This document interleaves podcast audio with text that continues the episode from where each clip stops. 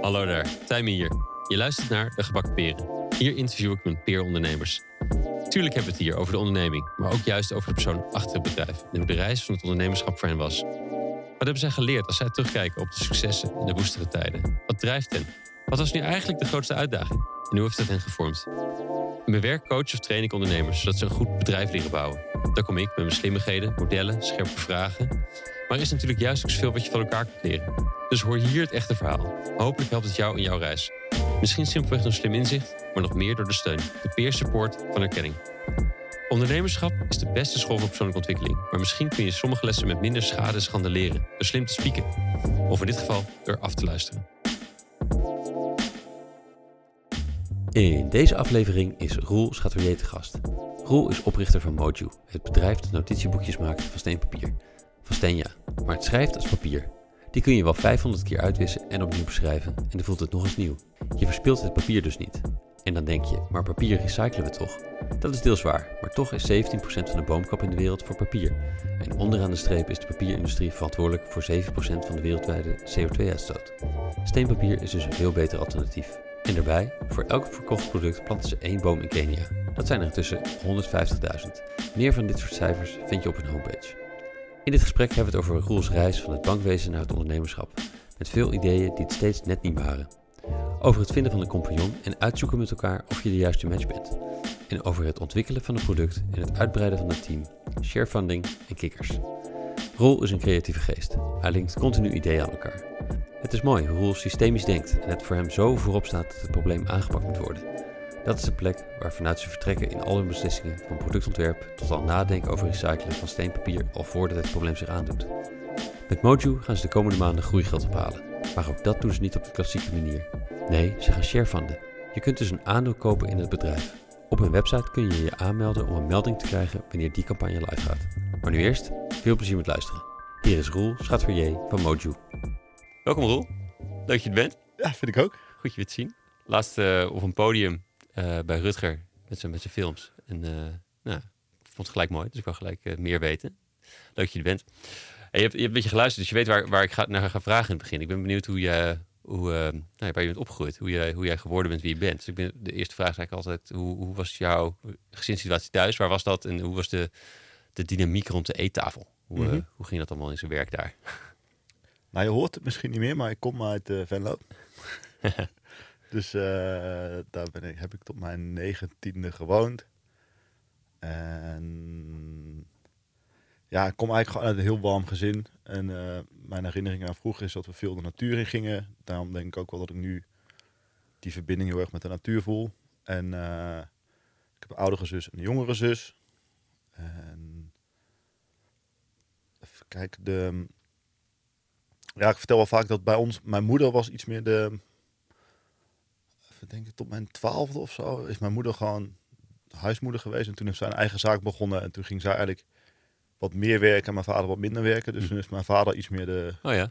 degene die altijd kookte en thuis was en dat soort dingen deed. Dus die werkte ook nog wel wat minder uren. Ja.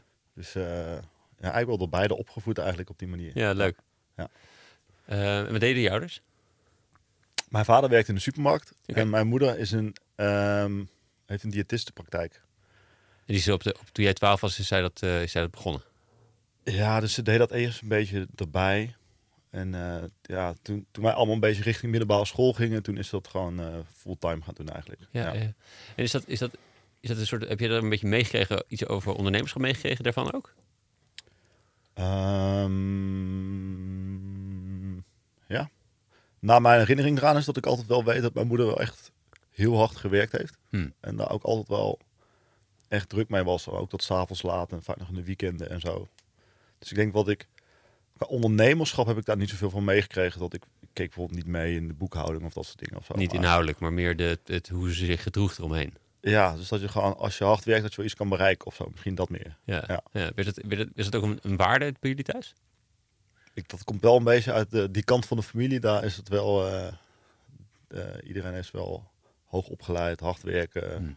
Ja, dat, dat moet dan succesvol zijn of zo. Ja, ja precies. Ja, dat, dan is het goed. Tussen aanhal, aanhalingstekens, ja. ja. En, en, en, jullie gingen veel natuur in, dus wat, wat, wat deden jullie dan zoal? Uh, ja, we hadden ja, ja, ik vond het vet om eh, gewoon kikkers te vangen en zo. Ja. Dus het- ik stond wel in de familie onbekend dat eh, als Jeroen mij het bos innam, dat hij echt als een heel goor thuis kwam, dat ik gewoon de sloot insprong en gewoon kikkers ging vangen. En ja, dus we gingen, we hadden een aantal natuurgebieden om. We hadden de hei en de Witte Berg en daar waren gewoon plekjes waar we dan heen gingen. We waren gewoon de hele dag in de natuur. En ja, we deden daar picknicken, wandelen. Ja, ja, ja, precies. En hoe, hoe was jij als kind? Hoe zou je jezelf beschrijven? Mm, ja, die vind ik altijd wel. Hoe zou ik mezelf omschrijven? Ik weet wel dat ik altijd wel nieuwsgierig ben geweest. Als ik aan, aan mezelf denk van vroeger, weet ik dat ik altijd heel veel vragen aan het stellen was. Niet zozeer van waarom is het zo, maar gewoon om, om te leren of van, waarom dat mensen dingen deden of hoe dat dan in elkaar zat of dat soort dingen.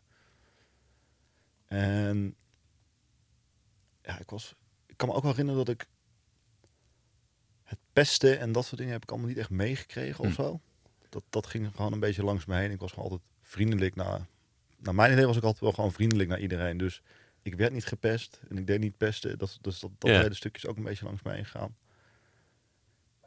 Ja, volgens mij boog ik gewoon een beetje mee met, eh, met hoe het ging. En ehm, ik weet wel dat mijn moeder verteld wel toen ik heel klein was dat, eh, dat ik toen wel eens een beetje de, de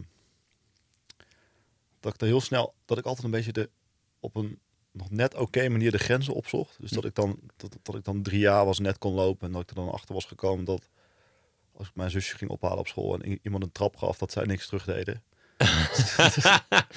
nee, nee, maar ik pestte niet hoor. nee, maar gewoon dat ik dan blijkbaar heel, al heel jong erachter kwam van oké, nou ja, zij zijn groter, dus daar doen we waarschijnlijk niks. En ik heb dat blijkbaar ook, mijn moeder vertelde een keer dat ik dat ook een keer bij mijn opa heb, ge- heb geprobeerd. of die dan Een terugschopt. goede trap teruggekregen, Oh, heb ja. ik dat nooit meer gedaan. Ja, ja, Maar gewoon misschien net een beetje, eh, dat ik dan wel eens Maar zulke soort grenzen dus. Dus een beetje conventie of zo ook. En, Zo van wat kan en wat mag en wat niet. En ja, ik, heb nooit, denk ik heb nooit echt mensen daar echt pijn mee gedaan of zo. Dus ja, maar. oh, dat is schenen. ik denk als je, als je, als je heel veel pijn hebt van een trap van een driejarig jongetje, dan ben je al heel kleinzerig. Ja, ja, ja, ja. dat is waar, ja. Dat is waar. Ja. mooi, mooi. En, en dat je er in de sloot eh, terecht kwam, was, dat- was dat onderzoekend? Was dat gewoon wild springen bijvoorbeeld? Dus, eh, Nee, dan, gewoon, dan zag ik een kikker en dan ging ik daar gewoon voor. Ja. Dan gewoon van, die moet ik vangen. En dan was het gewoon... Ja, mooi. Ja. Ik kan me ook altijd herinneren dat ik dan emmers met... Ja, nu slaat het echt helemaal nergens. Maar gewoon emmers met kikkers kwam ik dan zo. Liep ik dan. Jezus, ja. En die bleef altijd wel in een bos, maar dan liep ik dan gewoon mee. En op een gegeven moment dan voor naar huis gingen, dan werd die weer vrijgelaten. Ja, ja, ja. Dat vond ik dan altijd mooi. Of Mooi, mooi, mooi. Hey, en ik heb jezelf ook als, als, als creatief horen omschrijven. Dus dat je, en dat is ook nu nog, zeg maar. Maar de, dus qua, qua studieachtergrond is daar natuurlijk moeilijk iets van eh, terug te vinden. Daar komen we zo wel op. Maar wa- wat, creatief, zeg maar. Wat, hoe, wat voor type creativiteit, zeg maar, moet ik aan denken? Ehm, ja, misschien, zou, misschien is creatief, misschien is associëren, gewoon snel kunnen associëren zou misschien beter, zou misschien beter zijn. Maar ja, ik lees veel, kijk veel documentaires. Ik, ik vind het heel leuk om. Ik heb een heel groot netwerk van mensen om me heen. En ik, ik vind het gewoon leuk om eh allemaal mensen, of gewoon hun brain te pikken of zo. En dan, en dan, ja, dan kan ik s'avonds in bed liggen en denken, oh, die zei dat. En in klas dat. Oh, dat, wow, dat zou echt wel iets vet zijn of zo. Dat past eigenlijk wel. En waarom doen we dit zo en waarom doen we dit eigenlijk niet zo? Dus ik ben niet creatief in die zin dat ik kan, eh, dat ik kan schilderen of iets kan, iets kan maken, maar meer gewoon ideeën verzinnen. Ja, ja. Of, of, of ideeën samenbrengen is misschien nog beter gezegd. Ja, precies. Creativiteit heeft natuurlijk een soort... de- standaard connotatie is dat je iets met een kwast doet of zo. Eh, Ja, of, iets, eh, of iets van muziek of theaterachtige dingen. Eh, maar het is natuurlijk een veel breder begrip. Ja, daarom vroeg ik ook naar. Dus wat, wat, hoe zou je het... Welk deel is het? ja, en ik denk ook, ik merk dat met creativiteit zit ook, hoe ouder ik word, hoe creatiever ik word. Want het heeft ook te maken met hoe vrij durf je te denken. Dus als je, als je, als je je een beetje onzeker voelt of zo, dan durf je misschien ook niet alles te zeggen wat je denkt. En nu merk ik, nou, nu zit heel goed in mijn vel. Dan merk ik ook dat ik creatiever ben. En sommige ideeën staan echt helemaal nergens op. Maar dan zeg je dat gewoon en dan denken. En so- sommige mensen, op sommige dingen gaan mensen aan en sommige niet. Of, dus als wij nu ik een vette campagne voor Mojo moeten verzinnen, dan word ik daar vaak al bij gevraagd van Roel, kun je even gewoon een uur meedenken en dan verzinnen we gewoon 15 hele random ideeën, maar er zit er soms één hele goede bij. Ja, precies. zit er meer precies. in misschien de ruimte of vrijheid voelen om gewoon dat niks gek is of zo. Heb je dat nog moeten ontwikkelen, ontwikkelen of weer her, moeten hervinden misschien? Want je zegt, ik zocht de grens een beetje op. Klinkt eigenlijk alsof dat die vrijheid er in het begin zeker wel was. Misschien wel, hè? Ja. Ja, toen ik, ik heb uiteindelijk ehm, dan economie gestudeerd. En eh, daarna ben ik consultancy gedaan en eh, gaan doen en bij de bank gaan werken. En toen voelde ik wel alsof ik een beetje in een keurslijf gedrukt werd. Of mezelf in een keurslijf drukken van... Als je bankier bent, dan... Dit doe je, dat doe je niet. Je moet zus eruit zien, zo eruit zien. Ja, en ik, ik, ik hoorde je zeggen in een andere, in een andere podcast, zeg maar, dat, dat, dat bij de bank gaan werken was gewoon heel normaal, was gewoon standaard of zo. Dus, dat, je deed bedrijfseconomie, dus de, de bank stond als, als een soort van preferred supplier van, eh, van Ja. banen klaar, volgens mij. Ja. Eh dus heel normaal om zo daarin door te schuiven. Nog even terug, wat, wat, wat, wat trok je aan de bedrijfseconomie? Waarom ben je dat gaan doen? Ehm, eigenlijk, ik was vroeger... Mijn beste vak op, op school was eh, biologie. En ik was wel echt een beta-man. Dus ik stond eigenlijk van natuurkunde, scheikunde en wiskunde stond ik altijd heel hoog. Ja. En ik stond heel laag van talen. Dus ik, heb altijd, ik zeg altijd, ik heb een talendeuk in plaats van talenknobbel. ik heb zelfs een jaar over moeten doen VWO, omdat ik eh, Duits, Frans, Engels en Nederlands een vijf stond. Ja, dat is net te veel. Ja. Alleen maar talen. Ehm, even denken. En, en toen, omdat ik dan al goed was in biologie, dacht ik, ik ga geneeskunde. Ja, heel veel mensen en mijn familie hebben zijn ook komen uit. Heel veel mensen uit mijn familie komen uit de zorg. Hmm. Dus mijn moeder is dan diëtiste en dan oom is arts. Dus ik wilde ook dan arts worden, dacht ik. En Ja. toen eh, was ik uitgeloot. Toen ben ik... Ja, het was een beetje... Een, ik dacht, oh, als ik economie ga studeren, dat, is, ja, dat zit eigenlijk overal best wel baanzeker. Ik ga gewoon dat doen. Toen ben ik dat op de Unie gaan doen. En toen heb ik mijn, ik denk mijn master in studentenleven gehaald, maar weinig punten gehaald. Ja. Toen moest ik nog een keer, nog een keer meegelood. En toen was ik weer uitgelood. En toen dacht ik, ja, toen ben ik terug naar het HBO gegaan. Toen ben ik alsnog bedrijfseconomie gaan doen. Ja, ja. En dat, wa- dat was mis- misschien meer een zekere keuze of zo. Het zou, wel goed zitten als, het dan, als ik dat doe. Ja, Maar niet dus een beta-vak gaan, eh, gaan doen of zo. Je had ook eh, ja, meer de biologie kant op kunnen gaan. maar... Ja, dus ik, ik zat... Het alternatief van geneeskunde was voor mij een beetje eh, biomedische wetenschap of zo. Ja. Maar toen, ja, ik weet niet, als ik daarover nadacht, dan zag ik mezelf in een lab zitten of zo. Dan dacht ik, ja, Te veel binnen en, en, en steriel en zo. Ja, ja en ik, misschien was economie ook nog wel in die zin een beetje vrij of zo. Dus ik dacht, ik, kom, ik ga gewoon veel bedrijven zien. En bedrijven kan alles zijn. Dus ik, het leek me wel nog een, een keuze die enerzijds zeker was, maar anderzijds nog best wel vrij. Ja. Maar er zit dus een soort bepaalde mate van conventionaliteit opeens in die er daarvoor niet was en nu ook niet meer, zeg maar. Ja, Dus Dat is wel, wel interessant. ja dat, dat klopt inderdaad wel. Dus ik weet ook niet... ehm, ja, dat was, ik, wist, ik wist eigenlijk gewoon niet zo goed wat ik wilde. Dus misschien heb ik daar dan gewoon de veilige keuze, de veilige weg eh, Ja. genomen. Beetje breed. En ook daarom ben ik bij de bank gaan werken, omdat ik toen ook niet zo goed wist wat ik wilde. Ja. En dan, eh, ja, ik dacht, je wordt gewoon eigenlijk opgeleid tot bankier, dus ik wilde maar bankier. En ik had toen een vriendin en die zei toen, we zaten aan tafel, die zei, ja maar goh, je bent gewoon best wel creatief en hebt altijd ideeën. En je weet eigenlijk zelf ook toch dat het niks voor jou is. En toen zei ik, ja, ik weet dat het echt niks voor mij is, maar als ik het niet doe, daar heb ik daar spijt van. Weet je. Ik krijg een mooie baan aangeboden en dan, ik heb daarvoor gestudeerd en dan heb ik een hele studie gedaan en Ja. dan ga ik er niks mee doen. Dus ik ga het gewoon proberen. En de spijt is dan is het meer een soort van je hebt er toch al zo lang aan gewerkt en er zit er zoveel in en het is het, daarvan afstappen is gewoon eh, zonde of zo. Ja, en mijn ouders hadden mijn studie betaald. Ja, ook extra Dus ik- spannend. ja, Ja. dus dan dacht ik dan, eh, hebben ze dat allemaal, ze- zij hebben natuurlijk ook gewoon hun best moeten doen om dat voor mij te kunnen betalen. En dan, en dan ga ik er uiteindelijk niks mee doen. Ja. En, eh, hoe, hoe- hoe beviel het, het bankwezen? Nou, ik werd een beetje binnengehaald met het idee. ehm, kijk, ik had al twee jaar consultancy gedaan, dus ik, ik was al in die zin een beetje financieringsspecialist, vond ik zelf. Als je denkt als je jong bent dat je al heel veel kan, maar Zeker. en toen, en toen ging ik een traineeship doen bij de bank. En ja, ik zat een beetje, ik had een paar, waren ook wat detacheerders, die hadden ook een beetje vergelijkbare programma's. En ik was een beetje tussen het kiezen. En toen, eh, de bank waar ik toen mee ging werken, die zeiden, ja, maar wij zijn echt koploper op duurzaamheid. Dus eh, ja, je moet, als je duurzaamheid belangrijk vindt, moet je echt bij ons gaan werken. Dus we zat er wel op jouw radar, zeg maar, in die tijd. Ja, ja, ja. Dit ja. is, denk ik, 2000, 2015, 16 of zo? Ja. Ja. ja.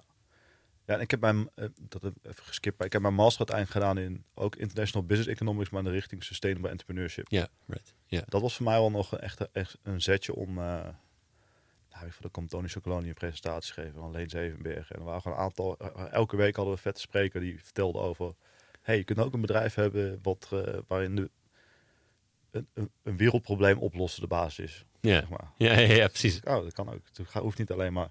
Mij triggerde gewoon al die bedrijven die ik zag. eh, Het, was gewoon, het ging allemaal over winst, winstoptimalisatie, kostenreductie, balansoptimalisatie. Toen je eenmaal ging werken bedoel je, niet tijdens die master, maar toen je het... eh, toen tijdens je- mijn studie en tijdens mijn, en tijdens mijn werk. En ja, mij boeit het gewoon niet of een bedrijf nou 1 miljoen of 1,5 miljoen winst maakt. Weet Ja. je wel, dat dacht ik van ja, whatever. Ja, ja, ja. Maar hebben ze een vet product, doen ze iets cools. Eh het dwaal een beetje af, want wat was de or- originele vraag? Nou, hoe beviel het bankwezen uiteindelijk? Je bent natuurlijk in gaan werken toen. Ehm, Ja, ik weet het meer. Ehm, dus de... Nou, ik merkte dat ik... Toen op het moment dat ik bij de bank begon, kwamen we een reorganisatie. Dus dat was eigenlijk geen leuke periode. Dus geen leuke periode om bij een bedrijf te zitten. Dus eigenlijk, ik had elke week een afscheidsborrel. ja, Ja. Allemaal mensen die er al 25 jaar zaten. Eh, dus ehm, ja, alle, alle ideeën die ik had van, hey, we moeten... Kijk, wij geven geld aan bedrijven, dacht ik altijd. Dat was mijn rol van, wij gaan geld lenen, uitlenen aan bedrijven. Dus laten we dat uitlenen aan bedrijven die het goed doen. ja. Dat dacht ik. En had ik logisch. een- ja, toch? Of of in ieder geval, als we het geld lenen, laten we in ieder geval met die ondernemer erover praten van, wat doe je nog meer op gebied van duurzaamheid? Of ja, kunnen, we, kunnen we meedenken dat je misschien... eh, ja, ik dacht, als bank zijn, dan kunnen wij toch iemand gewoon 50.000 euro lenen om zonnepanelen op het, op het dak te leggen. Dat verdient zich wel terug en dan doen we ook iets goeds. Maar dat was gewoon eigenlijk... Ja, ik werd een beetje gevoelsmatig beetje van het kastje naar de muur. Van ja, vet, eh, vet had ik een pitch deck gemaakt. Ja, vet idee, maar misschien moet je... eh, ja, ik ben, ga er niet over. Misschien moet je naar Pietje gaan. En dan ging ik naar Pietje en dan moest ik naar Jantje. En dan... En moment, na een half jaar dacht ik, ja, whatever, gaan. Ja, en is het is dan dat het, dat het eigenlijk intern niet echt beloond wordt om daarmee bezig te zijn. Uiteindelijk is het, Nee, tenminste, dat is een beetje een aanname hoor. Dat is een beetje denk, mijn beeld van buiten geweest, van zulke type bedrijven. Dat, dat het toch uiteindelijk, als je met een voorstel was gekomen van we kunnen eigenlijk hier twee keer zoveel winst mee maken als bedrijf, dan was het, eh, waren er opeens de hazen heel hard gaan rennen, zeg maar. Ja, ja. ja, en het grappige is, dit, was, dit is negen jaar geleden of zo. En eh, toen, toen dacht ik al, ja, we zijn echt laat hoor. Als, we, als wij nu nog als, als grote organisatie, nu nog, nu nog moeten gaan beginnen met duurzaamheid. Ja, Ja, nu zijn we nu negen jaar later en nu zie ik, ja, om heel eerlijk te zijn, vind ik het nog echt vet teleurstellend wat al die grote banken doen. ja, ja. Dus ik vind dat we, dat we, dat er naar buiten toe heel veel verteld wordt. Maar als je, als je met ze aan tafel zit, er echt weinig. Ja. Er, zijn, er zijn een paar mensen binnen de bank, en die ik ook wel ken, die wel echt gepassioneerd zijn en wel echt hun best doen om die bank ja goede die besta te ze bestaan natuurlijk, hè? Ja, Maar het zit, het zit gewoon niet in, het zit gewoon nog niet in het hart van de bank. Nee. Het is nog steeds een beetje de afdeling, een afdelingje erbij. Duurzaamheid is ook belangrijk. En toen die reorganisatie bij de bank was, toen hadden we, ik weet, ik weet nog, we hadden 22 mensen op de afdeling duurzaamheid zitten. En toen in die reorganisatie ging dat ook terug naar 10 of zo. En toen dacht ik, wat? nee, dit, is gewoon, dit is, dit is de bank straks, weet je wel, die afdeling. Dit, dit, dit, moet de, dit, dit moet de basis worden van de bank eigenlijk. ja, ja. ja. Nou, toen, wat, het, het mooie was uiteindelijk wel die reorganisatie dat, eh, dat daardoor onze contracten ook niet verlengd werden. Klinkt een heel mooi voordeel ervan. Ja, hoezo? Ja, anders moest je, je moest anders nog drie jaar aanblijven. Mm. En eh, ja, dat voelde een beetje als een strop op mijn nek of zo. Ik weet niet, ik, ik dacht van, moet ik hier nog... Het, het paste gewoon niet bij mij. En heel veel mensen die daar werkten waren echt gepassioneerd over wat ze deden. En, en ik denk dat, volgens mij eh stond Rabo ook als eh, best wel hoog in een goede werkgever. En, maar eh, ja, ik, ik voelde dat gewoon niet zo. Maar het paste ook nog niet bij je om dan te zeggen, eh, het past niet bij mij, tabé. Ja, maar dat mocht dus niet in het traineeship. Dat mag niet. Nee, Volgens want, mij kan er een hoop. ja, maar dan moest ik dus 15.000 euro betalen of zo. Om, Nee, om de opleidingskosten terug te betalen. Oh ja, Dus ja, tuurlijk kan het, maar ik had geen 15.000 euro. dat is bij de meeste banen niet zo. Nee. Wauw, dat dat. nee, bij eh, traineeships heb je, krijg je dus heel veel opleidingen en pers- persoonlijke ontwikkeling. En, Ja, ja, fair enough. Dat dus is je tekent een ja. contract van, Ja. hey, als, je, als, als wij dit, jou dit programma geven, moet je daarna wel minimaal drie jaar aanblijven. Ja, En, en als je eerder weggaat, moet je dan vragen we een stukje van het geld terug. Op zich wel eerlijk. zit iets in. Ja. Ja. Hey, en, en, maar je, je, je, je was weer een vrij man. en eh, voor- ik weet niet of dat, of dat in de tijdslijn helemaal klopt. Maar je bent toen naar, naar, naar Afrika gegaan? Of is dat, is dat, is dat net, Ja. is zit er net zit er nog tussen, iets tussen? Ja, dus na een half jaar van een trainingship wist ik dat ik weg, wegging. Dus toen heb ik wel nog een half jaar daar gewerkt. Ja. En dat was eigenlijk best nog wel een leuke periode. Want toen wist ik van, dit is, niet, dit, dit is gewoon tijdelijk. En eh, toen viel een collega uit. En toen kreeg ik eigenlijk best wel een zware portefeuille. Dus toen heb ik echt nog wel... Ja, het was inhoudelijk gewoon echt een uitdaging. Dat vond ik nog Mm. wel vet. Toen kon ik echt nog wel iets teruggeven, eh, naar mijn gevoel, aan de bank. Zo Ja, van, ja, jullie betalen mijn loon. Dus ik ga ook wel echt mijn best doen. En ehm, ja, toen was ik een beetje het oriënteren wilde ik wat gaan doen. En ik had best wel... Ik had mijn... Ik even denken, ik heb mijn pre-master heb ik uiteindelijk in de zomer gedaan met nog een baan erbij. En toen heb ik mijn master gedaan. En naast mijn master had ik nog twee, twee bijbaantjes. Ja. En toen ging ik dat trainingship doen. En toen dacht ik, ik vind het eigenlijk wel lekker om gewoon... Misschien eens even een half jaar weg te gaan of zo. Of gewoon, oh nou, ik, ik heb dus nu zes jaar lang heel hard gewerkt. Ik heb- zit blijkbaar op een plek die niet bij me past. Maar wat ik nou nu ga doen, moet ik even wat ruimte voor mijn hoofd hebben. Maar toen kwam ik bij een... ehm via via was een jongen was een eh, reisbureau op aan het zetten in Kenia. Charlie's Travels. En eh, ja, het idee was eigenlijk, wij, wij zijn een, een off-the-beaten track reisbureau. Dus wij doen eh, ja, avontuurlijke reizen in Kenia. Ik ben nu in mijn eentje. Ik heb een villa gehuurd. Ik ga twintig stagiaires aannemen. en we gaan met z'n allen sales doen. Dat was een beetje het idee. Wauw. En toen dacht ik, ja, dat is ook wel vet. Want dan zit ik wel gewoon bij een start-up. Ik, ik, ja, ik wist gewoon, ik ga een eigen bedrijf beginnen. Dat wist ik wel. Maar wat wist ik nog niet. Toen dacht ik, nou, dan zit ik wel gewoon bij een, eh, bij een bedrijf die eigenlijk van, van een één pitter gaat opschalen naar 20 man. En Ja. dan kan, kan ik dat een beetje meekrijgen. Hey, zei je net net even snel, maar je had wel ergens dus het idee opgepikt van... Ik ga niet meer ergens een andere corporate zoeken om voor te werken of een andere baan zoeken. Ik, ik, het, het volgende pad wordt wel een bedrijf starten. Ja, maar dat, dat had ik. Als je mijn notities ziet in mijn telefoon, dat was al vanaf 2010 of zo dat ik gewoon elke week een idee had. Dus Mm. eh, ik heb gewoon ik, van 500 ideeën of zo staan. Ja. Sommige zijn heel Ja. dom, wat ik al zei. Misschien nog niet het goede notitieboekje je dan gewoon zo in de auto zit en dan denk zo, eh, waarom? Wat zit er eigenlijk in die ruitenwisselvloeistof? Zit er nou chemicaliën die dan zo op, op het land spuiten? Oh, misschien moet ik daar wel mee doen, opschrijven. Weet Ja, ja, ja, dat soort dingen. Eh, ja, dus ik wist wel dat ik, ik wilde wel iets, iets gaan ondernemen. Of, ja. Beetje in de zoektocht van wat Maar- wil ik dan wel, zeg maar. Dit is in ieder geval heel sterk aanwezig. Ik heb het ideeën voor dingen, dus misschien is dat wel eh, de volgende stap. Ja. Maar ik wist nog niet of ik, de, of ik het lef had om het te doen. Misschien moest ik dat gewoon een beetje zoeken.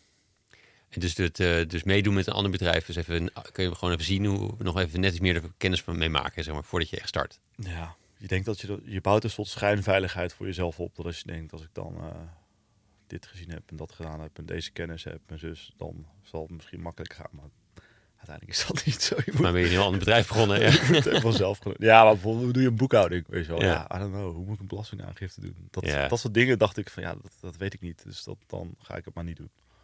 ja. Terwijl dat niet eens, en dat is niet eens het echte moeilijke werk. simpel. Ja, daar heb je gewoon mensen voor die daarvoor gestudeerd hebben. Ja, ook dat. En ook al zou je dat moet- uit je hoofd moeten leren, dan, dan dat lukt je nog wel. Dat is Ja. eigenlijk niet het. Ja. Hey, maar dus dat, hoe, en hoe was dat avontuur? Hoe was dat? ehm, wat heb je, wat- en wat haalde je eruit door het eh, zo mee te kunnen kijken? Werk viel heel erg tegen. Ehm, In welke zin? ja, ik moest sales doen. En ik moest sales doen van iets wat ik eigenlijk helemaal niet zo... Ik, ben, ik, was geen, ik was geen reiziger, snap je? En dan moest ik die mensen gaan vertellen van... Ja, dan ga je deze bergen op en dan heb je het mooiste uitzicht wat je ooit... Ja, ik was gewoon niet zo. Ja, ja, ja. Eh, maar de mensen waarmee ik was, was wel echt, was wel echt geweldig. Hmm. Dus het is... eh, ja, leuke tijd gehad. En eigenlijk iedereen zit dan een half jaar en dan gaan ze weer terug naar Nederland. En eigenlijk, net voel ik een beetje dag van ik ga langzaam terug. Kom ik een Nederlander tegen, Freek. En die, die had een NGO, dat heette Free Kenya. Ja? En wat ze eigenlijk deden is, het bestond al acht jaar. Het eh, ging volgens mij een beetje oké, oké. Maar eigenlijk eh, ze, ze wilden op gaan schalen. En het idee was, zij hielpen eigenlijk met... Elke Keniaan erft gewoon een klein stukje land. One acre, two acre. En dan, dan zetten ze gewoon mais op of tomaten op. En dan is allemaal op dezelfde, dezelfde dag wordt geoogst. Dus dan levert het ook geen geld op. En qua voedingswaarde ligt het gewoon best wel laag.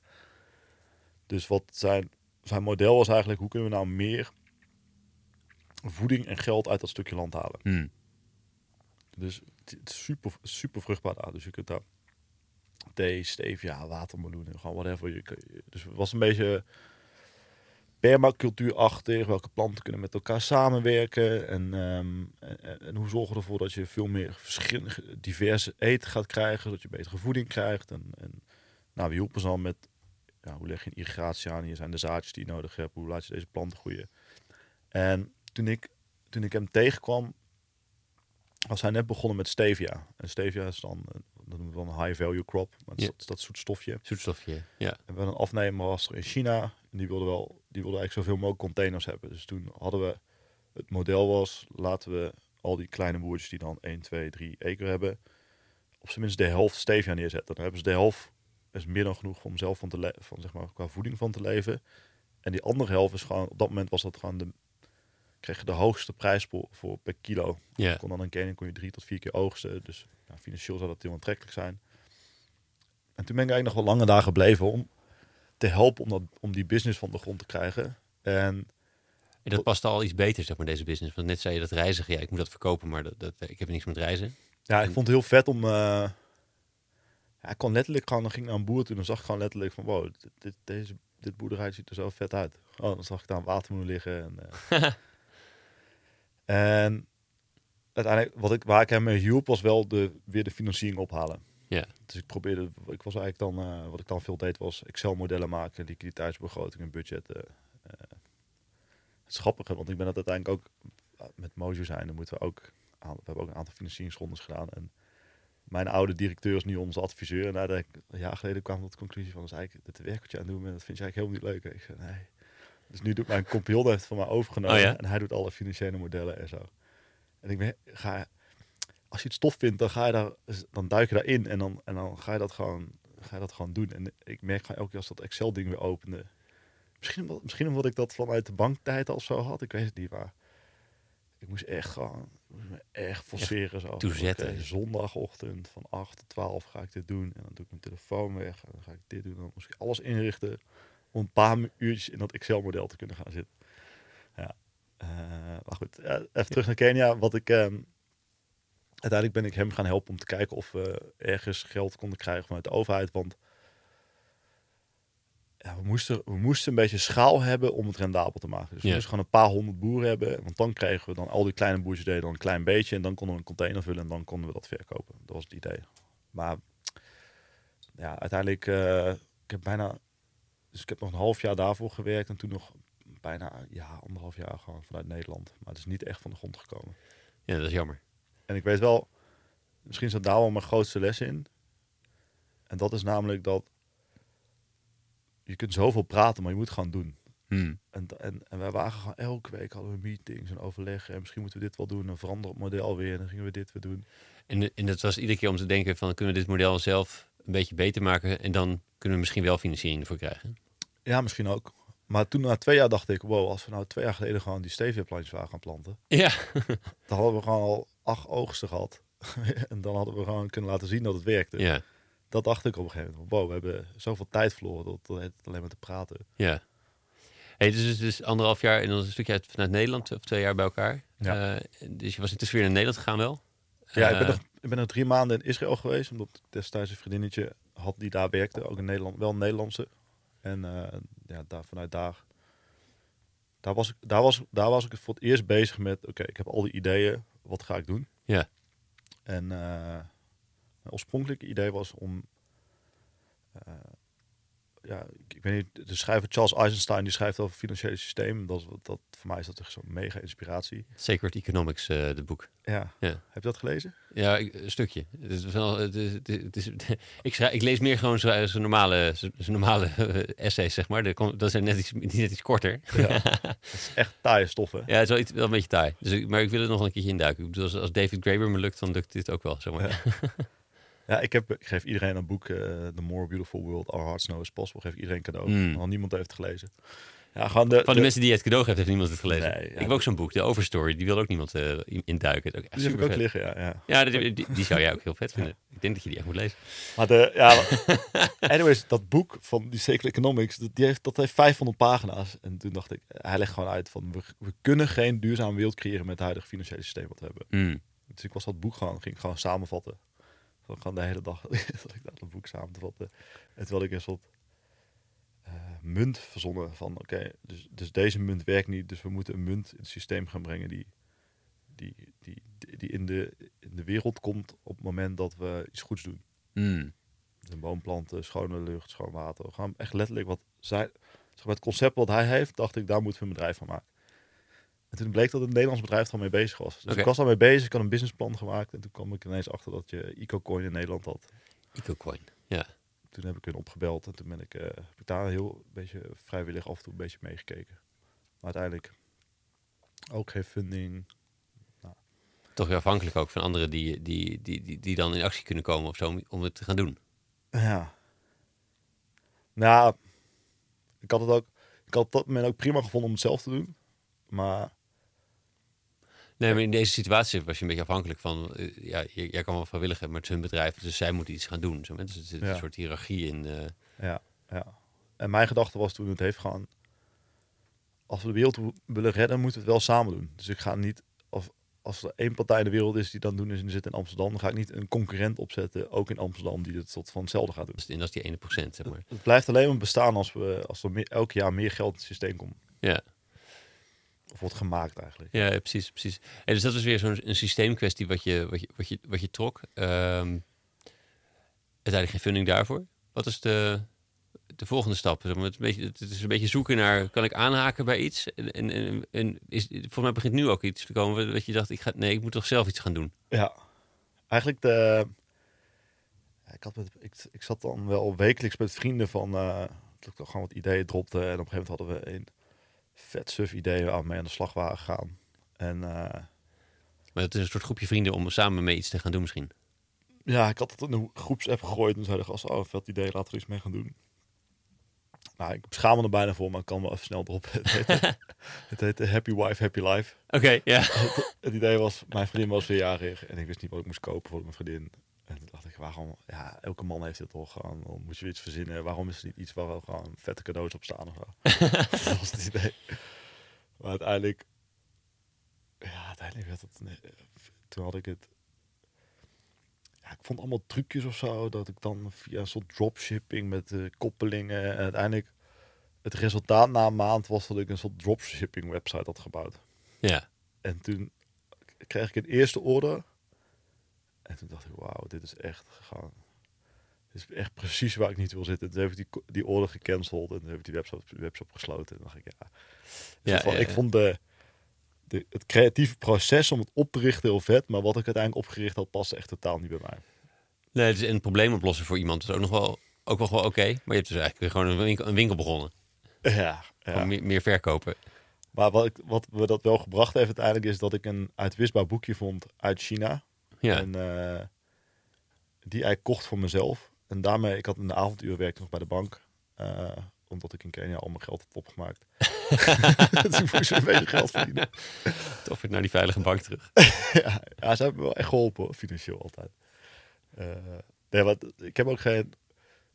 Qua bank of zo, dat is echt altijd een hele fijne werkgever geweest. Hmm. En, dus dat, ik heb ook niks aan te merken aan de mensen die daar zitten. Dat was gewoon iets voor mij. Maar uiteindelijk vond ik toen een uitwisbaar boekje uit China. En zij pretendeerde steenpapier te gebruiken. En ik kende steenpapier van mijn studie. Toen had, had iemand had het gedropt. En toen dacht ik, holy shit. Kan Tijdens die master maken had het... Ja. eh, En toen dacht ik, ze hebben een uitwisbaar boekje gemaakt van steenpapier. En toen kocht ik dat. Werkte vet goed. Ging, ging naar de bank toe. En iedereen wilde dat ding hebben. Toen dacht ik, ja, ja, ik koop er nog wel twintig. En dan verkoop ik. Ja, ik was niet het idee om nog geld mee te verdienen. En toen belde ik die vrienden op van, joh, we hebben die webshop gebouwd. Happy Wife, Happy Life. Dat moet gaan weg. We gaan gewoon... Ik bel die ik bel de Chinese partij wel op of wij gewoon verkopen kunnen worden in Nederland of zo. We moeten dit product de, wereld in helpen. En toen ging ik ook over de papierindustrie lezen, hoe vervuilend die was. En dacht ik, dit is geniaal. We kunnen gewoon een product wat gewoon minder vervuilend is. eh, wat gewoon veel langer meegaat. En voordat je dat wist, waarom was je toen al enthousiast over het... eh, over, om dit wel als, eh, als gewoon webwinkel te, te bouwen? Überhaupt een webwinkel of deze webwinkel? Nou, dat boekje vond je vet. Eh, maar je wist nog niet van de vervuilende kant van papier, zeg maar. Of tenminste nog niet zo, niet zo actief. Mhm. Maar je vond het wel al vet genoeg om te zeggen... Nou, we moeten dit in de webwinkel zetten. Ja, het product was gewoon best wel geniaal. En eh, ja, wat voor mij toen heel erg klikte is... ik, ik was me altijd heel erg bewust van, we moeten gewoon echt minder consumeren. Hmm. Dus ik was altijd wel, ik was al jaren op zoek naar gewoon dingen van, hoe kan ik nou ervoor zorgen dat ik, want ik heb nu zo'n shirt aan, maar gewoon, oké, ik koop Patagonia, want dat, dat shirt gaat gewoon tien jaar mee. Ja. Je hebt het ook aan. Waarschijnlijk met de reden dat het gewoon, en, en zit lekker en het gaat heel lang mee. Ja. En dat was ik dus ook met notitieboekjes. En wat ik al net, net aan jou vertelde. Er waren gewoon wat alternatieven, maar die werkte gewoon niet echt fijn. Dus ehm, voor mij zat hem toen vooral in, in het stukje verspilling. Zo van als je nou één product hebt, Ja. dat gewoon heel lang meegaat, makes sense. Eh, en ik dacht, en heb ik net een beetje, eigenlijk heb ik net eens even een een kleine, klein stapje gemist. Maar toen ik, toen ik eigenlijk op het moment dat ik bij de bank zat en dacht, dit is echt niet voor mij. Toen zat ik elke avond David Attenborough te kijken. En toen had ik wel, toen was een beetje een zaadje bij mij geplant van, wat nou als ik gewoon de rest van mijn leven de natuur ga helpen, weet je wel? Gewoon Mm. dat ik bomen ga planten of, of natuur ga beschermen of wat dan ook. En dus toen ik met deze webshop begon, het eerste wat ik deed is, oké, ik, zoek een project en daar gaan we een boom planten. Voor al die producten die we verkopen gaan we gewoon boom planten. Dus zat er toen heel erg op verspilling tegengaan en een product hebben waarmee ik bomen kon planten. Gewoon omdat je omzet genereert. En die omzet gaat een deel, voor een deel terug naar een boom. Ja. ja. Ja. En het, dus, maar het notebook aan zich, dat was nog... Dat was, dat was meer toeval. Eigenlijk dat je die tegenkwam. Ja. Ja. En uiteindelijk, ehm dat was wel echt een domper, maar ja, het was, het was gewoon niet transparant hoe het allemaal gemaakt werd. En het was dus eigenlijk geen steenpapier. En ja, ik heb volgens mij acht keer gevraagd wat het dan wel was. En ik kreeg elke keer van iedereen weer een ander verhaal. En toen moment dacht ik, ja, ik, heb geen, ik wil dit gewoon niet meer verkopen. Hmm. Het voelde gewoon, eh, de ene keer was het 50% steen en 50% plastic. En de andere keer was het eh, wel echt steenpapier. En de andere keer was het alleen maar plastic. Ik liet die aan mensen in Nederland te zien zijn, nee, er zit echt geen steen in. Nou ja. En toen dacht ik, maar dan, dan ga ik het gewoon wel zelf doen. Oké, Mm. Ik heb een soort van test gedaan. Mensen vinden dit product vet. Ja. Er is gewoon vraag naar. Want meer dan die twintig eh, collega's bij de bank, zeg maar. de- je, je, je kreeg wel, je kreeg wel genoeg eh, signaal op, het, eh, op, dit, eh, op, dit, eh, de- op deze frequentie, zeg Ja. maar. Dat je, dat je dacht, dit, dit, dit, dit moet ik wel doorzetten. Ja. Nou, volgens mij hadden we. Dat was ons eerste jaar. Ik denk dat we. Misschien tegen de duizend boekjes hebben verkocht. Ja. Waarvan wel 500 eh, van één bedrijf. Hmm. Ja. Dat helpt.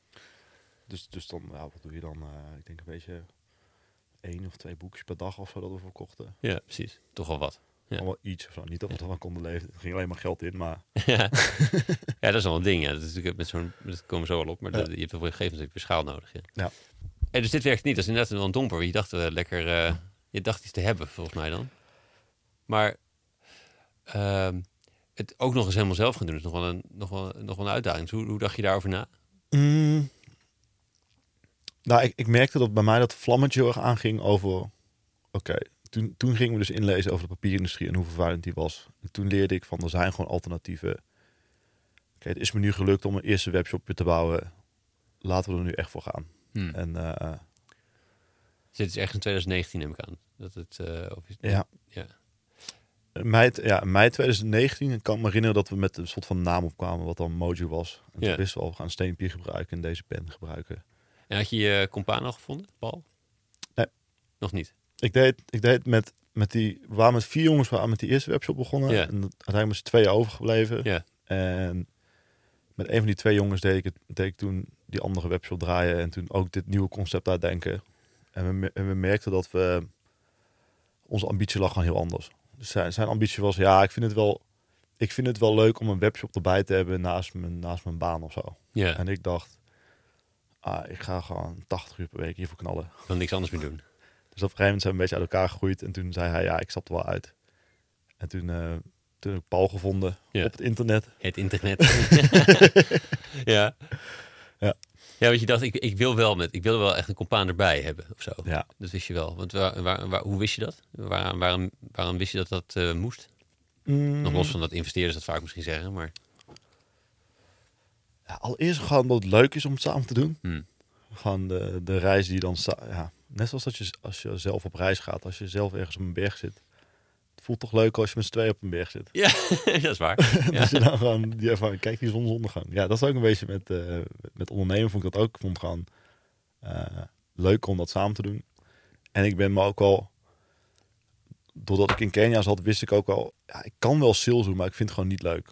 En, en ehm, als je kijkt naar, de pap naar papierverspilling, 50% van kantoorafval is gewoon papier. Dus ik Hmm. wist gewoon, ons doelgroep op bedrijven, moeten gewoon, de hele dag moeten we gewoon bedrijven gaan bellen. En je Ah. dacht ook, ja, misschien een sommetje, is- of het, het percentage kun je ook andersom redeneren. Van al het papier wat we gebruiken, waar, waar, waar gaat het allemaal heen? Is dat, is dat ook, is dat vooral bedrijven of is dat weer iets anders? Is het, zit dat dan weer, is dat de boeken? Zijn dat de boeken of zo? Weet ik, ik weet het dus niet, maar Ja, die, die cijfers heb ik ook niet scherp. Maar ehm, heel veel zit in verpakking. Ja. Heel veel verpakking. En ik weet ook al van, eh, van de bank, dan zij doen ja, misschien 100.000 notitieboeken per jaar. Maar 10 pallets papier, printpapier per, jaar, per Ja, week. ja. Per week. Ja, ja, Dus- ja. ja, ik weet nog wel, ik, ik heb een tijdje, dat was een consultancybureau, dus dat, dat, deed, dus dat niet alsof dat in papier eh, verschepen zat. Dat is niet hun core business, maar ik weet wel, af en toe de pallet kwam binnen en dan stonden we allemaal weer zo heen en weer, een, een soort treintje met die, eh, want alles naar het printhok moest weer gevuld. Maar Ja, hè? ja. dat gaat hard. Ja. Ja. Ja, dus maar ja, qua compagnon, eh, het leek me eerst leek me veel leuker om het samen te doen. En ik wist wel, ik zoek wel echt iemand die, is, die sales gewoon leuk vindt. ja, En, ehm, besefte dat dat ook moest, zeg maar.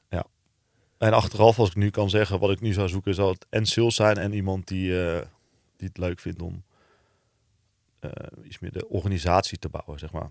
Ja. Dus eigenlijk heb ik, ja, we hebben op papier hebben we nooit gedefinieerd wie, wie, wie wat is, maar ik denk dat Paul meer type CEO is. De organisatie runnen, de, de, de, Ja. de interne kant. Ja. Zo. Ja. En dus ook de finance die jij natuurlijk in je, in je, in je rugzak had zitten, eh intussen ook. Die heb ik overgedragen naar zijn rugzak. ja, ja, ja. En vindt hij dat wel leuk? Want dat was niet eh, hoe het Hij vindt het geweldig. Oh, ja. Ja, dat is grappig. Ja, hij vindt dat heel leuk. Ja. Dus je kunt... eh hoe, ja, jij altijd heel veel die leuke dingen, maar bijvoorbeeld wij zeggen vaak, ik ben morgen, hij is vandaag. Of eh, ik ben voor de bar, hij is achter de bar. Gewoon- Ja, dus, best wel wat verschillen. Zeg maar in, in, ehm, je weet dat je door elkaar met elkaar door een deur moet, maar je moet ook aanvullend zijn volgens mij. Ik, eh, Mhm. ik heb het hem wel horen zeggen. En jullie wisten het ook vrij snel. Maar, maar hoe wist je dat dit ook echt geklopte, zeg maar? Want je, je, je gaat wel wat aan natuurlijk. Misschien heb je wel een paar... Ik kan me ook voorstellen dat je na een paar keer een bedrijf in, te infiltreren of te starten, dat je ook wel een beetje denkt van, nou moet het wel een keertje echt gaan, dus ik wil het ook niet, nu niet de plank misslaan. Ja, Ik weet niet of, dat, of, je dacht, of je juist dacht, ja, het, het kan ook wel gewoon nog een keer misgaan, dan gaan we daarna weer verder. Of dat je dacht, nee, dit moet echt kloppen. Ik, hoe zat je erin? Mm. Even denken. Ja, kijk, ik wist wel dat ik, ik wist wel dat, dat we wel iets hadden wat, wat zou kunnen werken. Dus ik, ik dacht van, oh, we kunnen hiermee doorgaan. Maar of Paul dan degene was waarmee ik samen wilde werken, wist ik nog niet. Dus je bent wel, kijk, in het begin ben je wel heel voorzichtig met, eh, je zegt niet meteen, oké, we doen gewoon 50-50, let's go. Dus we hadden wel, ik had altijd in mijn hoofd en hij ook van, hij werkt zich zeg maar in een bedrijf naar binnen qua aandelen en ook qua zeggenschap en dat soort dingen. Ja, Dus het is niet zo dat als je samen gaat werken, dat, dat, dat hij meteen de helft van het bedrijf heeft. Dus, dus we hadden ook wel best wel snel gezegd, hij, hij werkt zich gewoon naar binnen. Ehm, en wij zaten gewoon een kopje koffie te drinken. Ja, Paul is echt een... eh, als, als Paul twee weken op vakantie is, zeggen mensen zo. Ik mis echt die bak met energie van Paul. Uh, ADHD, ja, ik weet niet of die, voor mij is het niet officieel de stempel ADHD, maar hij heeft wel echt heel veel energie. hij En- draagt zich er wel naar. ja, om zes uur opstaan, knallen. En eh, ja, ik kreeg gewoon positieve energie van hem. Hmm. En hij kan goed communiceren en ik kan goed communiceren. En eigenlijk zaten we, we zaten koffie te drinken. Toen zeiden we, ja, maar ondernemen is niet praten, weet je wel. Dus zullen we gewoon, eh ons gewoon proefmaand doen. Kom je gewoon, ja, wat- jij wil, wat ik wil, maar gewoon eh, een ochtend per maand of zo. Kom, weer de- een ochtend de- per week. De voorkeur van actie die je had opgebouwd. Ja, Dat we, we kunnen nu eindeloos praten of we het eens zijn met elkaar. En toen heeft hij, denk ik, vier ochtenden geïnvesteerd en ik dan daarmee ook. En toen zag ik gewoon dat hij het geweldig vond om in een hok te gaan zitten en honderd bedrijven te bellen. Toen dacht ik, wow, hij vindt dat echt leuk. ja, ja, chill. Chill. ik vind dat niet leuk. Nee, het, het, tegelijkertijd, Mm. voor hem als salespersoon, was het voor hem ook van, maar wat voor reacties krijg ik? Ja, dat is even belangrijk. Dat is dat, eh, wat ik net signaal noem, dat, dat, dat de mensen op aangaan. Ja, zo van, kan ik dit verkopen? Ja. En eh, ik denk uiteindelijk dat we, ik vind ons nog steeds echt, echt eh, helemaal verschillend. We zijn wel echt, ik kan wel zeggen dat we vrienden zijn, maar we zijn wel echt heel, heel verschillend. Ja. Ehm, maar wat ons wel bindt is dat we allebei altijd gewoon alles zeggen wat we denken naar elkaar. En, dat hebben we ook. We hebben gewoon momenten in de, in, in de week. Dus altijd maandag zitten we een uur. En vaak vrijdag ook nog wel een uur. En dan hebben we gewoon een lijst die we doorwerken. En, en er zit ook bijna altijd wel feedback bij. Gewoon naar elkaar. Ja. En dat is, niet, dat is, niet een, dat is geen groot ding of zo. Maar, en dat werkt gewoon heel goed. Dus we zeggen, we weet, ik weet altijd precies waar Paul staat, hoe hij zich voelt, wat hij denkt, wat er, wat er gaande is, of hij gestrest is of niet gestrest. En andersom ook. En Maar je vertrouwt er dus ook op dat die lijst volledig is. Tenminste, dat er dus niet nog iets aan het ophopen is of zo. nee, we hebben ook wel eens gehad, maar dan is het, duurt het echt twee, drie weken of zo. En dan zeggen we, zeggen we tegen elkaar, "Ah, fuck, dit hadden we, we staan hier toch, we doen dit toch samen, weet je wel. Zetten we nou een beetje frustraties naar elkaar te uiten. We, Ja, moeten het gewoon uitspreken. Wij, wij moeten met z'n tweeën moeten we deze kaart trekken, weet je wel. Ja, ja, ja. Dus eh, ja, we hebben wel eens, ja, ik heb wel eens, echt wel eens goed gebotst met hem. Hoor. Dus het is niet zo dat het altijd eh grote gure maneschijn is. Maar eh, Nee, nee, nee, maar het is, wel- grappig, want het vraagt dus een bepaalde zekerheid of volwassenheid. Eh, als, eh, z- zeker omdat je ook het voorbeeld geeft naar buiten. Volgens mij, dat jullie, wat jullie doen, de ouders, eh, de, de kinderen gaan zich ernaar gedragen. Ja. Ehm, dus je hebt, het ook, je hebt het ook goed te doen of zo. Je hebt ook een soort voorbeeldrol. Ja. Eh, maar dat moet je ook wel kunnen. Ik bedoel, Mhm. het, eh, ik, vind, ik, ik, ik mijd het conflict nog wel eens, weet je wel. Dus het eh, wil, wil ik niet, maar ik vind het wel gemakkelijk anders. Weet je wel? Dus het, ja, eh, ik ook hoor. ja, maar waarom, waarom lukt het je toch? Eh, nou, ik, denk dat het, het- ik denk dat het een kwaliteit ook al van Paul is. Hmm. Paul heeft die momenten ingepland. En dan eh, als ik zes keer feedback krijg, denk ik, oh ja, maar ik heb eigenlijk ook al dingen van ja. En dan schrijft dat een keer daarna, schrijft dat ook wel. En nu is het gewoon een normaal ding geworden dat we gewoon eh, dat met elkaar bespreken. En eh, hij heeft me ook wel doen leren dat, dus dat, ja, jij zegt zelf, conflict vermijden, zo was ik ook altijd best wel Hmm. in relaties of zo. Dan dacht ik, ja, maar kom, dat hebt wel weer weg of zo. Ja, ja. eigenlijk is dat vaak niet zo. Je gaat toch ergens in het gebouw zitten, zeg maar. In het gebouw van het bedrijf. Dus er komt een soort van vleugeltje met het conflict. eh. Ja, toch? Maar ja. dat zal je ook wel, uit die ervaring zal je ook wel hebben. Dus het, meestal lost het zich niet vanzelf op. Dus het moet op een gegeven moment toch worden uitgesproken. En dan als je te laat uitspreekt, dan is het vaak veel groter dan het dijk was. Ja, wordt het veel emo- meer emotioneel geladen van. Ja. Hey, hoe, hoe- nog even terug naar, hoe wist je nou? Want je, weet je, ging, je ging actie ondernemen, je, dus een paar koffietjes. Maar dat was echt in een, toch nog binnen een, een, een aanzienlijk korte, relatief korte tijd de, de deal gesloten, zeg maar. Dus hoe, maar hoe wist je nou dat je, je zag de aanvullendheid. Maar hoe Mhm. wist je ook dat je dus wel genoeg overlap had? Dat je, dat je denkt, nou, hiermee, met deze jongen wil ik het. Ehm, ja, de, een van de, de we hebben ook best wel in het begin wat meer ambitiegesprekken gehad. Wat je doet met, je, met die andere maat van je dacht van, ja, jij wil gewoon iets anders. Ja, daar heb ik wel van geleerd. Dat, dat, daar hadden we eigenlijk dan nooit over. Totdat het op een gegeven moment gewoon niet vloeide of zo. En toen erachter kwam dat hij iets heel anders wil dan ik. Ja. En ik heb al tegen Paul gezegd van ja, ik wil gewoon van Mojo is gewoon een papierverspillingsprobleem, is een wereldwijd probleem. Ik wil Mojo een wereldwijd merk maken. We moeten gewoon elk land moeten we aanwezig zijn. En dat is mijn stip horizon en daar, en daar wil ik voor, daar wil ik voor gaan. Ja. En dan hij wil dat ook. Er is wel iets meer gefocust volgens mij op wat er dan vandaag moet gebeuren. Maar je zei net vandaag en morgen. Hij, hij is vandaag, jij bent morgen. Ja, Dus precies. het wordt misschien een beetje zenuwachtig, maar eh, dat, dat is wel, de ambitie is in ieder geval gelijk. Ja. Da- daar moet het heen. Ja. En als hij, want kijk, het had ook gekund van ja, nou, ik vind het ook wel lekker om gewoon een Nederlands bedrijf te hebben en daar gewoon goed aan te verdienen. En dan, ja. Zeg maar, het groeipad wat je kiest bepaalt best wel eh, ook eh, hoeveel tijd je erin gaat investeren en geld wat je gaat investeren. En ook wel misschien de concessies die je doet. Dus we hebben de eerste twee jaar ja, eigenlijk gewoon niet of nauwelijks inkomen uitgehaald. Omdat we altijd dachten, we doen ieder gewoon 1000 euro. Kun je net de huur en, de, en eten betalen. En dan laten we de rest gaan aan het bedrijf. Want dan hebben we misschien nog 3000 euro extra. Dan kunnen we in marketing investeren. Ja. Kunnen nog veel meer mensen aanspreken. Dan de volgende maand zal het wel meer zijn. Ja, als hij dat, dat, we hadden ook, dat hadden we ook andersom, andersom kunnen doen. Dat we gewoon iets sneller wat meer voor onszelf hadden gehouden. En dan ja, dat zijn iets de- de minder snel. Ja. En, ja. En daar, daar, waren je het ook, ook over eens. Over dat soort dingen Ja. ook, zeg maar. Ja. Ja. Ja, nog steeds weet ik nog niet, niet zo goed van je. Was het over een paar belangrijke dingen eens. Maar weet je, weet je dan genoeg? Hoe weet je nou dat je genoeg weet? Ehm, ja, dus ik denk dat we qua skills aanvullend waren. Ja. Dus ik wist veel over duurzaamheid, ik wist veel over het product.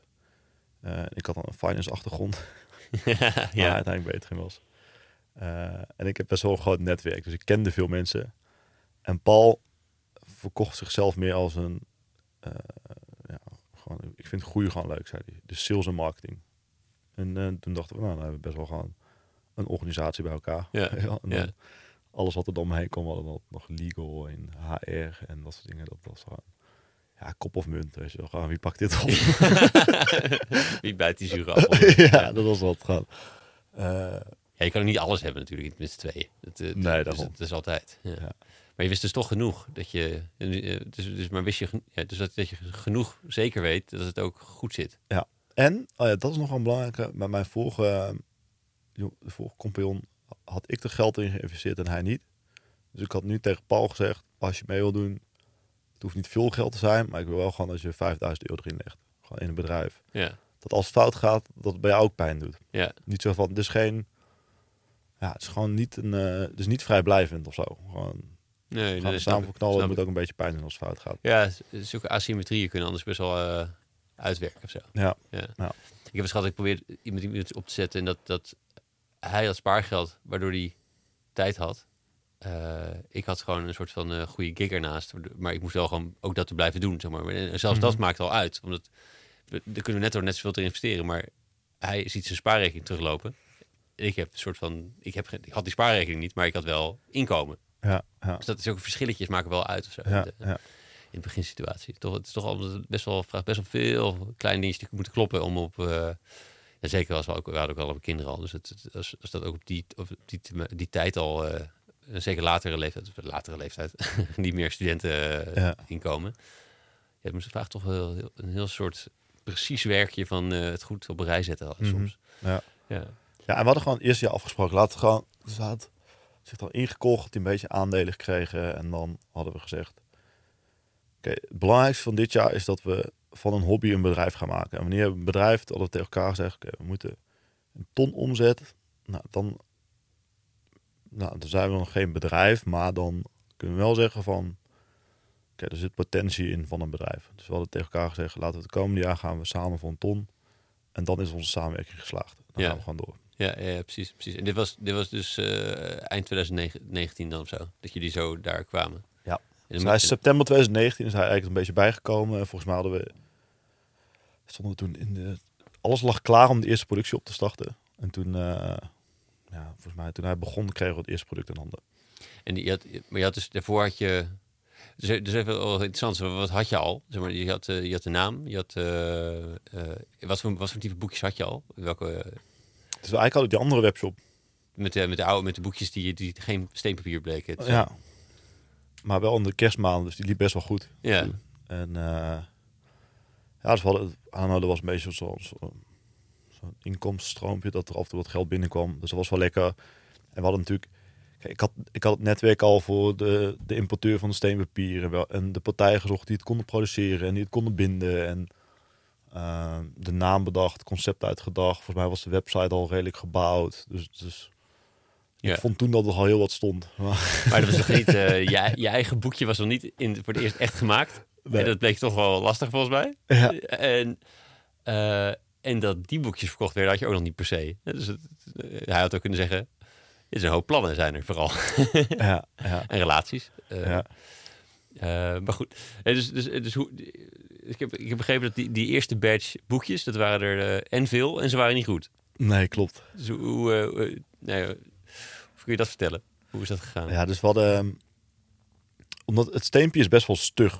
Dus als je, als je een boekje wilde inbinden...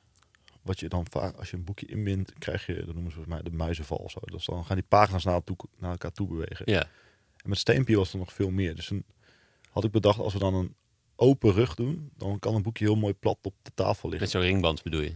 Nee, dus het was een ingebonden boekje. Dus er zat geen ringband in. Het Ah, snap. zo'n- Ja. Zo'n boekbinding. En anders is het in als muizenval, dan is het, en dat is gewoon niet open te krijgen dan met een stenen boekje. Eigenlijk niet, nee. Dus dan ging Ja, dat dit irritant. Ja. Uh, ja, dus op papier, eh, op papier een heel vet concept. Ja, en toen hadden we de, ja, het was, het was, ik vind het wel echt geweldig hoe we dat gedaan hebben, want toen hadden we bijvoorbeeld, onze, onze lijnafstand was 1 centimeter. Toen vroeg op een gegeven moment iemand, waarom 1 centimeter? Wij zo, ja, dan nou, man, waarom is het eigenlijk 1 centimeter? Dus gewoon, ja, volgens mij kwam het gewoon toevallig in, eh, in Photoshop zo uit of zo. ja, ja, ja, heel random. We hadden nog nooit een notitieboek gemaakt. We hadden echt geen enkel idee wat we aan doen waren. En dan hadden we qua kaften hadden we een, een jongen gevraagd van, joh, kun je eens wat kaften maken? Maar dat was best wel gewoon een beetje met stock images en zo. Dan hadden we er gewoon twintig gemaakt. En die stuurden dan gewoon zo allemaal in vier WhatsApp groepjes. En dan hadden we gewoon mensen gestemd. En dan hadden we dan, oké, kiezen gewoon de zes beste uit. Ja. Van onze vrienden die wat ze mooiste vinden. ja. dat waren als eerste boekjes. En uh, nou, lang verhaal kort, uiteindelijk bleek die open rugbinding bleek echt niet ideaal te zijn. Want dan moesten die voorkanten moesten opgeplakt worden. Want dat papier zo stug was, elke keer als je het boekje open, open maakt, dan druk je eigenlijk die kaft vanaf. Dus die kaft kwam gewoon los. Ja, ja normaal beweegt het papier mee. Ja. Uh, en blijft de lijm zitten. ja. En dus wij verkochten het, uh, het was, stond, zat toen in de markt als je, je la, het laatste notitieboek voor de rest van je leven. Ja. En dan was hij binnen een maand was hij stuk. ja, ja, dus de theorie van het papier ging wel mee, maar het boekje niet. Ja. shit. En uh, nou, ik vind uiteindelijk wat we wel wat we wel terugkrijgen is dat kijk, mensen weten je begint net en je hebt iets meer. Als het gewoon, denk, we waren altijd mensen wisten geloof ik, we zitten er niet in voor het geld. Weet je Of, of die hadden dat gevoel. Dus ja, we zeiden gewoon, we hebben gewoon een mail gestuurd geloof ik van, hey, we hebben wat feedback ontvangen dat de boekjes snel uit elkaar gevallen. Dat was echt niet onze intentie. Uh, vinden we heel vervelend. Dus we willen, we hebben een nieuw boekje gemaakt met een ringband. Die uh, mag je andere terugsturen, krijg je deze gratis. Of je mag voor 50% korting, mag je deze gewoon kopen en hou je die andere ook. Of je mag hem gewoon terugsturen en dan krijg je gewoon je geld terug. Ja. Maar wat, er wel, wat we wel leerden is dat mensen het concept wel vet vinden. Dus ze zeiden wel allemaal, het schrijft echt, het schrijft geweldig en het wist heel goed. Ja, ja. Maar gewoon hoe het in elkaar gezet was gewoon heel amateuristisch. Ja, verrassend genoeg, omdat je het voor de eerste keer deed. ja. ja, mooi is dat. En je had er redelijk veel ook, volgens mij, besteld gelijk. Ja, we hadden tot 1200. Ja. Ik denk dat ze toen, ja, waren wel 15 euro per stuk of zo, waren heel duur. Zo, ja, was misschien al tegen de 20.000 euro. Ja. Best wel veel inderdaad. Om in te kopen 15 euro per stuk. Ja, precies. Niet verkoopprijs, maar de... Nee, nee, inkoop. Ja. ja, dus dat, is, maar dat is toch wel financieel ook ingewikkeld. Je had allebei wel wat geïnvesteerd, maar in, in geïnvesteerd, maar volgens mij heb je wel 10.000 euro kwijt. Ja, ja dat, was, dat heeft wel wat geld. Ja. En toen zijn we uiteindelijk naar onze ouders gegaan. Toen hebben we gezegd van, hey, kunnen we allebei, uh, van, we allebei 10.000 euro geleend. Privé, om dat vervolgens in het bedrijf te stoppen. Ja. Dus we hebben niet onze ouders gevraagd om uh, mee de boot in te gaan met het bedrijf. Zo van, nee, het is ons bedrijf. Maar je weet, we hebben allebei gestudeerd. Dus als het fout gaat, dan betaalt het ooit wel weer terug. Ja. Want we vinden wel weer een baan. En die vonden dat een goed idee. En, en je vond het zelf ook een goed idee. Want ik, ik kan me ook voorstellen dat ik denk, nou ja, wil ik dat dan tussen mij en mijn ouders hebben zitten? Uh, ja. Maar en, en zij vonden het een goed idee en ze dachten niet van, ja, maar deze gasten hebben net voor 10.000 euro foute boekjes gekocht. Dan gaat het de volgende keer wel goed. Dus ik weet niet goed hoe, hoe dit, ik kan me zo indenken wat, uh, wat er gebeurt. Maar hoe was dat? Nou ja, I, maar ik weet wel dat mijn moeder een keer tegen me zei: Ja, het is wel grappig. Al die, dat, je hebt wel een leuke hobby of zo. Moest je niet op een gegeven moment gewoon een baan gaan zoeken? Ik zo, wat? Man, ik ben de papierindustrie in het verduurzamen. Ja, Kom ja, wat, hoezo snap je niet wat ik aan het doen ben?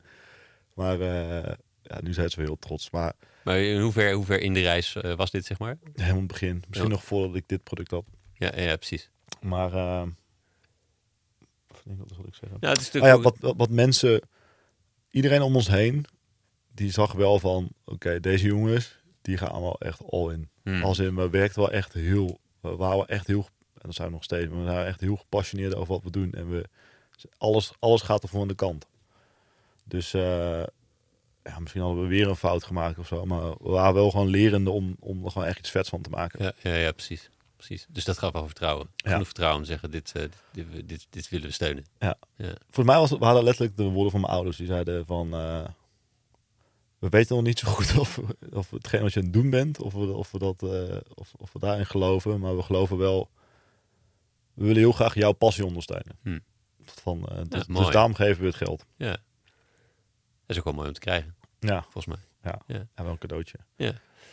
En toen? lenen uiteindelijk. Ja, deze fair enough, fair enough. Maar dat ja, is toch ook wel wat. Is dit niet, is ook niet niks natuurlijk. Ja. Ja. En toen? Um, en toen kwam eigenlijk... Nou, we hebben die boekjes vervangen. En eigenlijk, dat was wel... Dat is wel positief. Ja, het was wel heel positief. Ik heb, ik heb daar best wel een goed gevoel aan over gehad. Dat mensen dat wel... Ja, je hebt zoveel webshop waar mensen van denken... Ja, oké, okay, ik moet even voorzichtig zijn. Ik zal weer opgelicht worden of zo. Dat mensen gewoon dachten... Oh, hè. Ik kan gewoon met iemand praten. En die zijn dan nog aardig. En ze, zijn, ze ja. gewoon een goed product leveren. Um, maar ja, zoals gezegd, bij onze focus lag gewoon heel erg op, op bedrijven eigenlijk. Dat, dat, daar waren we mee bezig. Dus ja. we, we waren gewoon de hele dag LinkedIn aan scannen. En wie kennen we nog? Oké, okay, ik ken iemand bij die bank. Oké, okay, die ga ik een bericht sturen. Ik ken nog iemand daar. En, en eigenlijk wou gewoon overal koffies aan plannen. En we reden eigenlijk... Ja, we waren de hele week gewoon op pad. Probeerden gewoon bij bedrijven binnen te komen. Ja, ja, precies. En toen kwam corona. Ja. En de, de inkoop van deze boekjes lag opeens... Uh, ja, niemand ging, niemand ging meer notitieboekjes kopen. En we hadden zelfs, ja, die was het meest pijnlijk is gewoon dat we, het is nog steeds geen klant, maar we hadden Philips. En die wilde toen 500 boekjes kopen. Dat was echt wel, ja, dat was wel een serieuze orde voor ons. Ja. En ik was daar geweest. En ze, ze, ik was via via, dus hij stuurde mij op Facebook een bericht van, hey Roel, ik heb mondeling akkoord. Ehm, we gaan ze niet nu kopen, maar weet gewoon, we hebben x, x zoveel euro. Dus we kijken over een paar weken wel welke type boekjes en hoeveel en hoe het design eruit gaat zien en zo. En ik stuur je maandag stuur ik je een eh, ondertekende offerte. Ja. Ja, toen, ik kreeg een berichtje op mijn telefoon. Ik zei, come on. Meteen naar de supermarkt gefietst, champagne gehaald. Naar kantoor toe, wij champagne drinken. En dat was volgens mij, was dat gewoon echt een dag voor corona of zo. En die maandag kreeg ik een berichtje. Hey Roel, eh, ja, ik heb wel mondeling akkoord gegeven. Maar ja, eh, sorry, we kunnen het toch niet doen. Ja. Dus ging dat gewoon niet door. Ja, ja, ja. ja. En dus eh, en een soort eh, voorbode voor nog meer dat niet doorging waarschijnlijk. Dus ja, voor mij in die week gewoon iedereen. eh, Ja. Dat het heel moeilijk werd. ja. En toen? Ja, toen heb ik wel een... eh, Je hebt net geld geleend van je ouders. ja. Toen Wel- hebben we... Wel een goede badge nu. Ja, dus we hadden wel, we hadden wel een goede nieuwe badge aan boekjes met, met ringbandjes. En die, nou, dat, dat ging wel een beetje lopen. Ja, we hebben gewoon heel snel gedacht, oké, als bedrijven niet doen, dan mensen zitten gewoon thuis en die gaan thuis werken en dus die hebben ook iets te schrijven nodig. En toen hebben we ehm, gewoon vrienden gevraagd van, joh, wie wil ik kan voor 500 euro een webshop bouwen? Want we hadden wel een soort webpagina, maar niet echt een webshop. Toen heeft iemand een Shopify, geloof ik, in, in een paar dagen een webshop gebouwd. Ja. Hoeft niet moeilijk te zijn. We zeiden gewoon, het moet een, moet een zes zijn. Hij moet gewoon functioneren. Ja, ja, ja. We hoeven geen zieke copywriting te hebben. Hoeven geen hele lijpe visuals te hebben. Maar we moeten gewoon een plek hebben dat, waar we mensen naartoe kunnen verwijzen als ze een boekje willen kopen. Toen zat ik thuis die avond en toen ik met mijn huisgenoot een beetje na te denken. Toen zei ik van ja, kijk, iedereen zit gewoon thuis te werken. En eh, eigenlijk kun je... Ik, ik, had gewoon in mijn hoofd... Ik, zit, ik zat toen nog een beetje in die halve studentenwereld. Ik was zo 28 of zo. En toen dacht ik, ja, dan... ja, in Amsterdam woont iedereen nog samen. Dus dan ben je aan het werk. En dan op een gegeven moment... eh, werk en privé gaat nu zo door elkaar heen lopen. Dus hadden we... Toen zei ik, toen zei ik, ik moet eigenlijk een soort placement maken. Maar aan de ene kant doe je werk, maar als je hem omdraait, dan heb je gewoon een chill modus aan of zo. En dat, toen had ik die avond had ik met hem uitgedacht. Noemen we dan de power placement. En als je aan de ene kant gewoon een to-do list, de weekplanner en notities. En aan de andere kant had je draw something, een oneindige sudoku. Spelletjes die je kan spelen. Volgens mij galgje of zo. Oh ja. Ja, En volgens mij nog een vakje om je handtekening te oefenen. Gewoon zo heel veel domme dingen ook opgezet.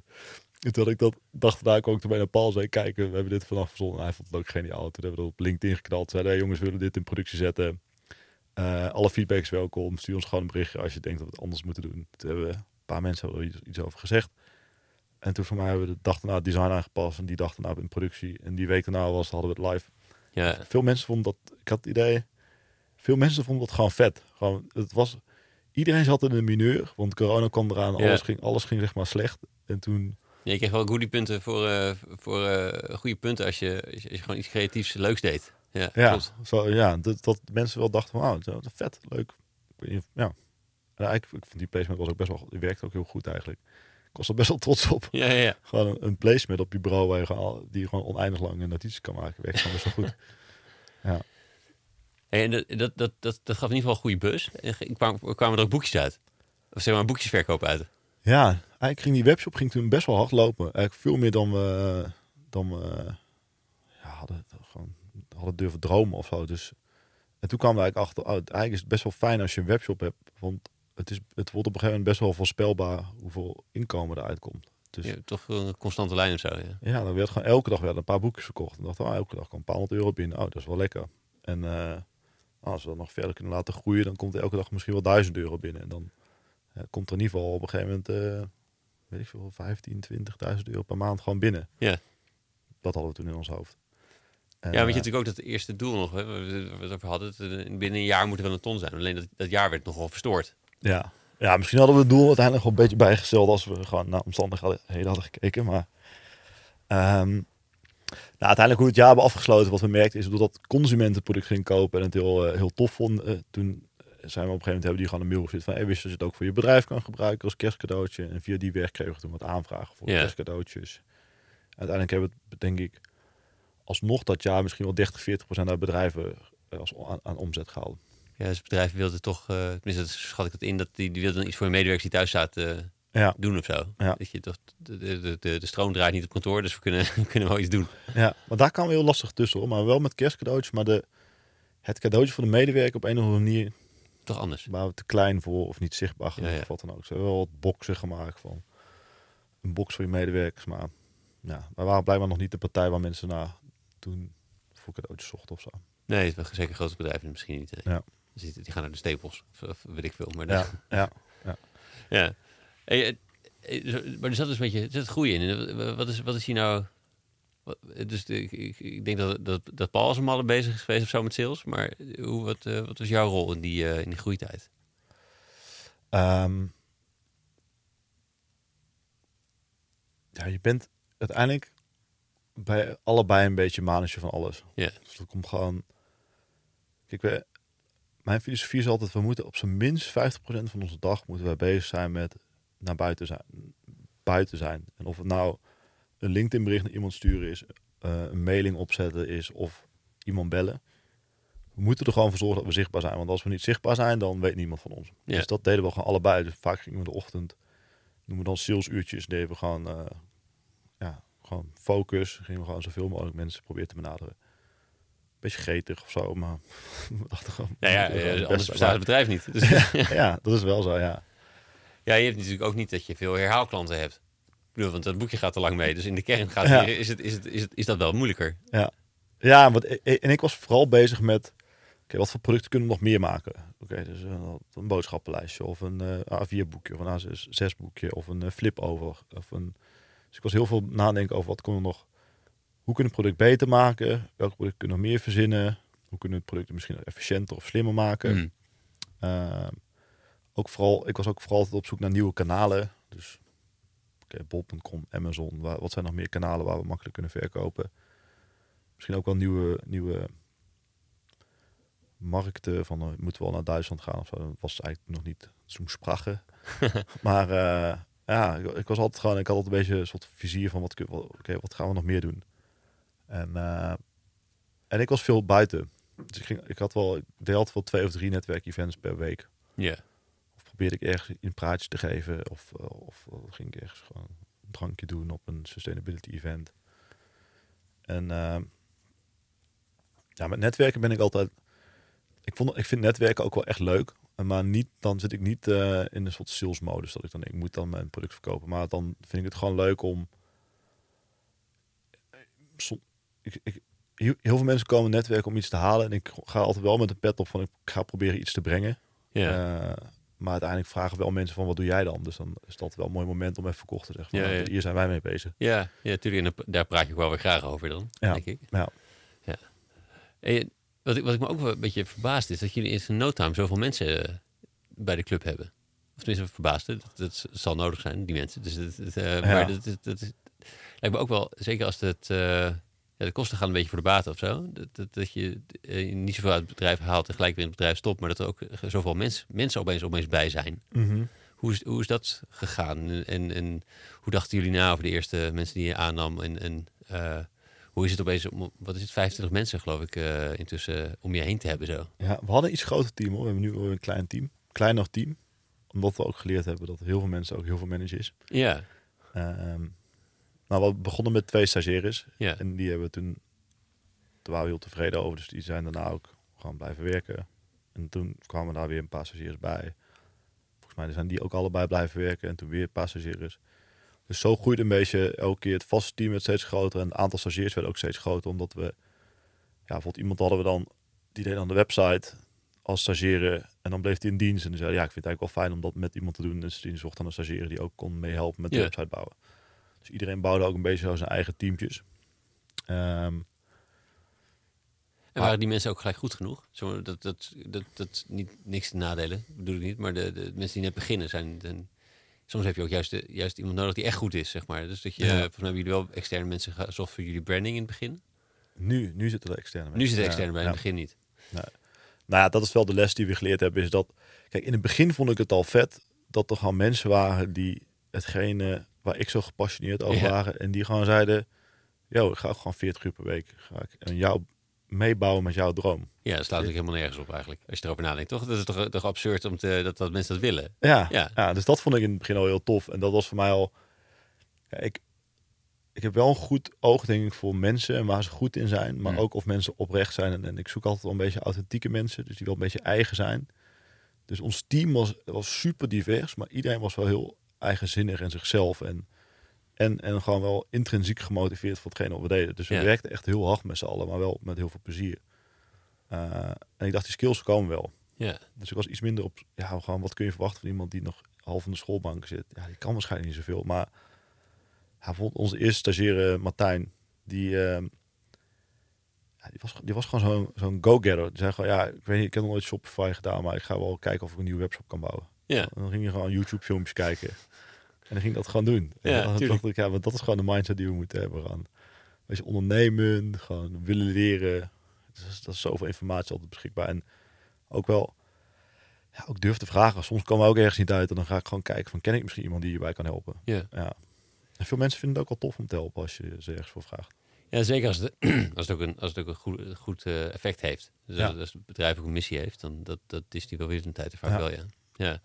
En hoe was het om, om eens zo, was jij ook net eh, al even, eh, zijn iets kleiner, want het is toch al veel managers zo. Is, is het in, zijn er meer mensen vol tijd, meer vol tijd gaan werken? Of was dat ook een bewuste keuze om gewoon, we hebben gewoon minder mensen nodig. We moeten echt klein blijven, want dan kunnen we veel meer, veel sneller iets- doen.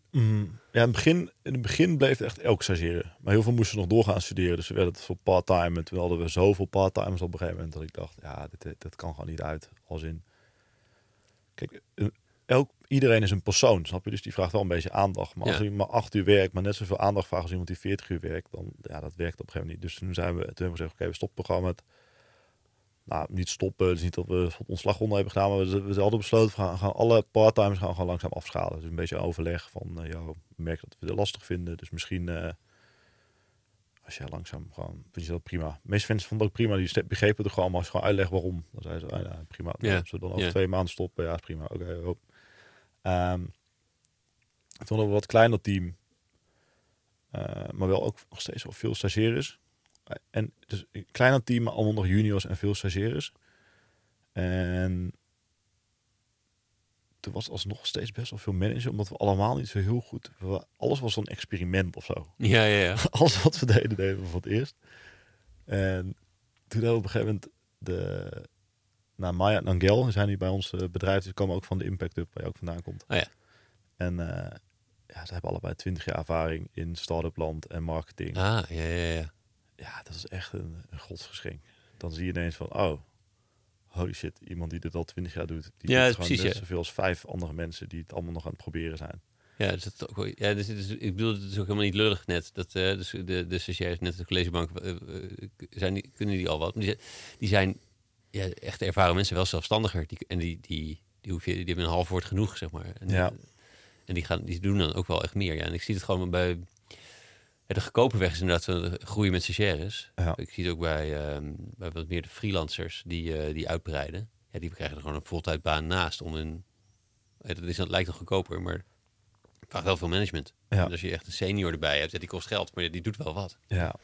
ja, en dan wordt het ook, ik merk nu ook wel dat de stagiairs die nu bij marketing zitten, dus bij Maya, ook wel echt veel leren. Ja. Dat ze met een ervaren persoon werken. Ja, is nog leuker voor ze misschien. Ja, Dus en- niet, niet, niet, niet, niet, niet flauw bedoeld naar jou. Maar, Ja, leuk is het sowieso wel met mij, maar gewoon ja, eh, ja, voor- precies. effectiever voor hun. ja, ja, ja. En dat, dat, jullie hebben natuurlijk wel grote plannen nou. Mhm. Ehm, dat, dat groeit de boel waarschijnlijk weer Ja. in mensen. Hoe, hoe kijk je daar dan naar? Ehm, zoals ik er nu naar kijk, denk ik dat we best wel goed door kunnen groeien, mits we met ervaren mensen werken en, en dat ervaren mensen junior mensen managen. Ja, Dus bijvoorbeeld, eh, Maya kan prima vijf mensen onder zich hebben. En daar, zonder dat ik daar heel veel tijd in hoef te steken. Ja. En, en ik kan ook best prima met een paar mensen. Ik, doe, ik, ik, ik ben dus wel nog steeds verantwoordelijk voor de afdeling finance. Dus eh, en eh, afdeling duurzaamheid stelt niet zoveel voor. Maar dus ik heb daar, dat doen we met z'n viertjes eigenlijk, die twee afdelingen. Eh dat kan ik ook prima managen. Ja. Dat, dat lukt mij goed. En eh, dus ik denk gewoon dat elk team kan best wel goed groeien als er gewoon ervaren mensen op zitten. En dus ik vind het nu ook wel minder spannend om, om weer op te gaan schalen met mensen. Ja, het is niet zo dat je opeens dan eh, met z'n 42 mannen mensen moet Ja. aansturen direct. Je hebt gewoon een, soort- je hebt een teampje om jullie heen en die sturen dan de volgende, de volgende schil weer aan. En bijvoorbeeld, in, we hebben nu een agent in, eh, die staat op onze loonlijst in Duitsland zitten. En we hebben een agent die staat ook op onze loonlijst. Die zit in Frankrijk. Ja, die werken bijna zelfstandig. Die doen het ook al twintig jaar. Die zitten al twintig jaar in de promotionele industrie. Die hebben gewoon een heel netwerk van resellers. Ja, in het begin is het even inwerken, maar ja, Hij weet, ze weten wat ze moeten doen en eh, je weet, jullie weten welk, op welk, welk resultaat je stuurt. ja. Ja. Dus nu denk ik van ja, daar kan ik er nog wel twintig van bij hebben. Als je dat gewoon, Ja, dat, die werken gewoon best wel zelfstandig. Het zijn bijna gewoon een soort freelancers. ja zo, je- zo kan je ook werken natuurlijk. Hè. Dus Mhm. dat, eh, dan, dan vraag je nog meer zelfstandigheid van, van de mensen om je heen. Ja. Dan zijn ze, maar het komt ook omdat ze zelfstandig zijn. Ja, ja. ja, ja. ja. Hey, maar het is wel... En jullie zijn... ehm, nee, ik vind het nog even leuk om stil te staan bij, bij gewoon jullie... Wat, wat ik ehm, zie aan je, in hoe, je, hoe jullie nadenkt. Los van dat je eh, toch al best wel een shitload aan bomen weet te planten. Mhm. Dat jullie ook al gaan de boekjes mee. Al bezig zijn met... Ja, fuck. We hebben ze wel de wereld ingeslingerd. Ze moeten ook weer terug. Maar ze, gaan, ze zijn nog niet stuk. Dus het hoeft nog niet. Maar toch denk je erover na. Dat vind ik ook, dat vind ik ook typisch. Ja. dat je, ja, het moet weer te recyclen zijn op een manier binnenkort. Ja. Ooit. ja. Hoe, waarom is dat... ehm, ja, ik vind het interessant. Ik weet niet zo goed wat mijn vraag precies bij is. Maar dat het... Om, het is nog geen probleem. Want het, de boekjes komen niet terug. Maar toch heb je al gezegd... Nee, wij zijn degene die daar iets mee gaan doen. Ja. Eigenlijk toen ik acht jaar geleden voor het eerst over steenpier hoorde, toen dacht ik, ik ga er iets mee doen. Maar, we, maar toen wist ik nog niet dat je het eventueel kon uitwisselen met bepaalde pennen. En toen ben ik ermee gestopt, omdat ik dacht, ja, dan ga ik steenpier naar Nederland halen. En dan wat dan als dat opgebruikt is. Dus eigenlijk nu ik met Mozu, toen vijf jaar later met Mozu begon, toen was dat meteen meer van, ja, ik, ik voel me gewoon verantwoordelijk voor het begin tot het eind of zo. Dus als Ja. ik dat gewoon hier ga maken en hier in de markt ga zetten, dan, dan moeten, dan ben ik verantwoordelijk voor de, voor, voor die materialen. Zo voelde ik dat gewoon.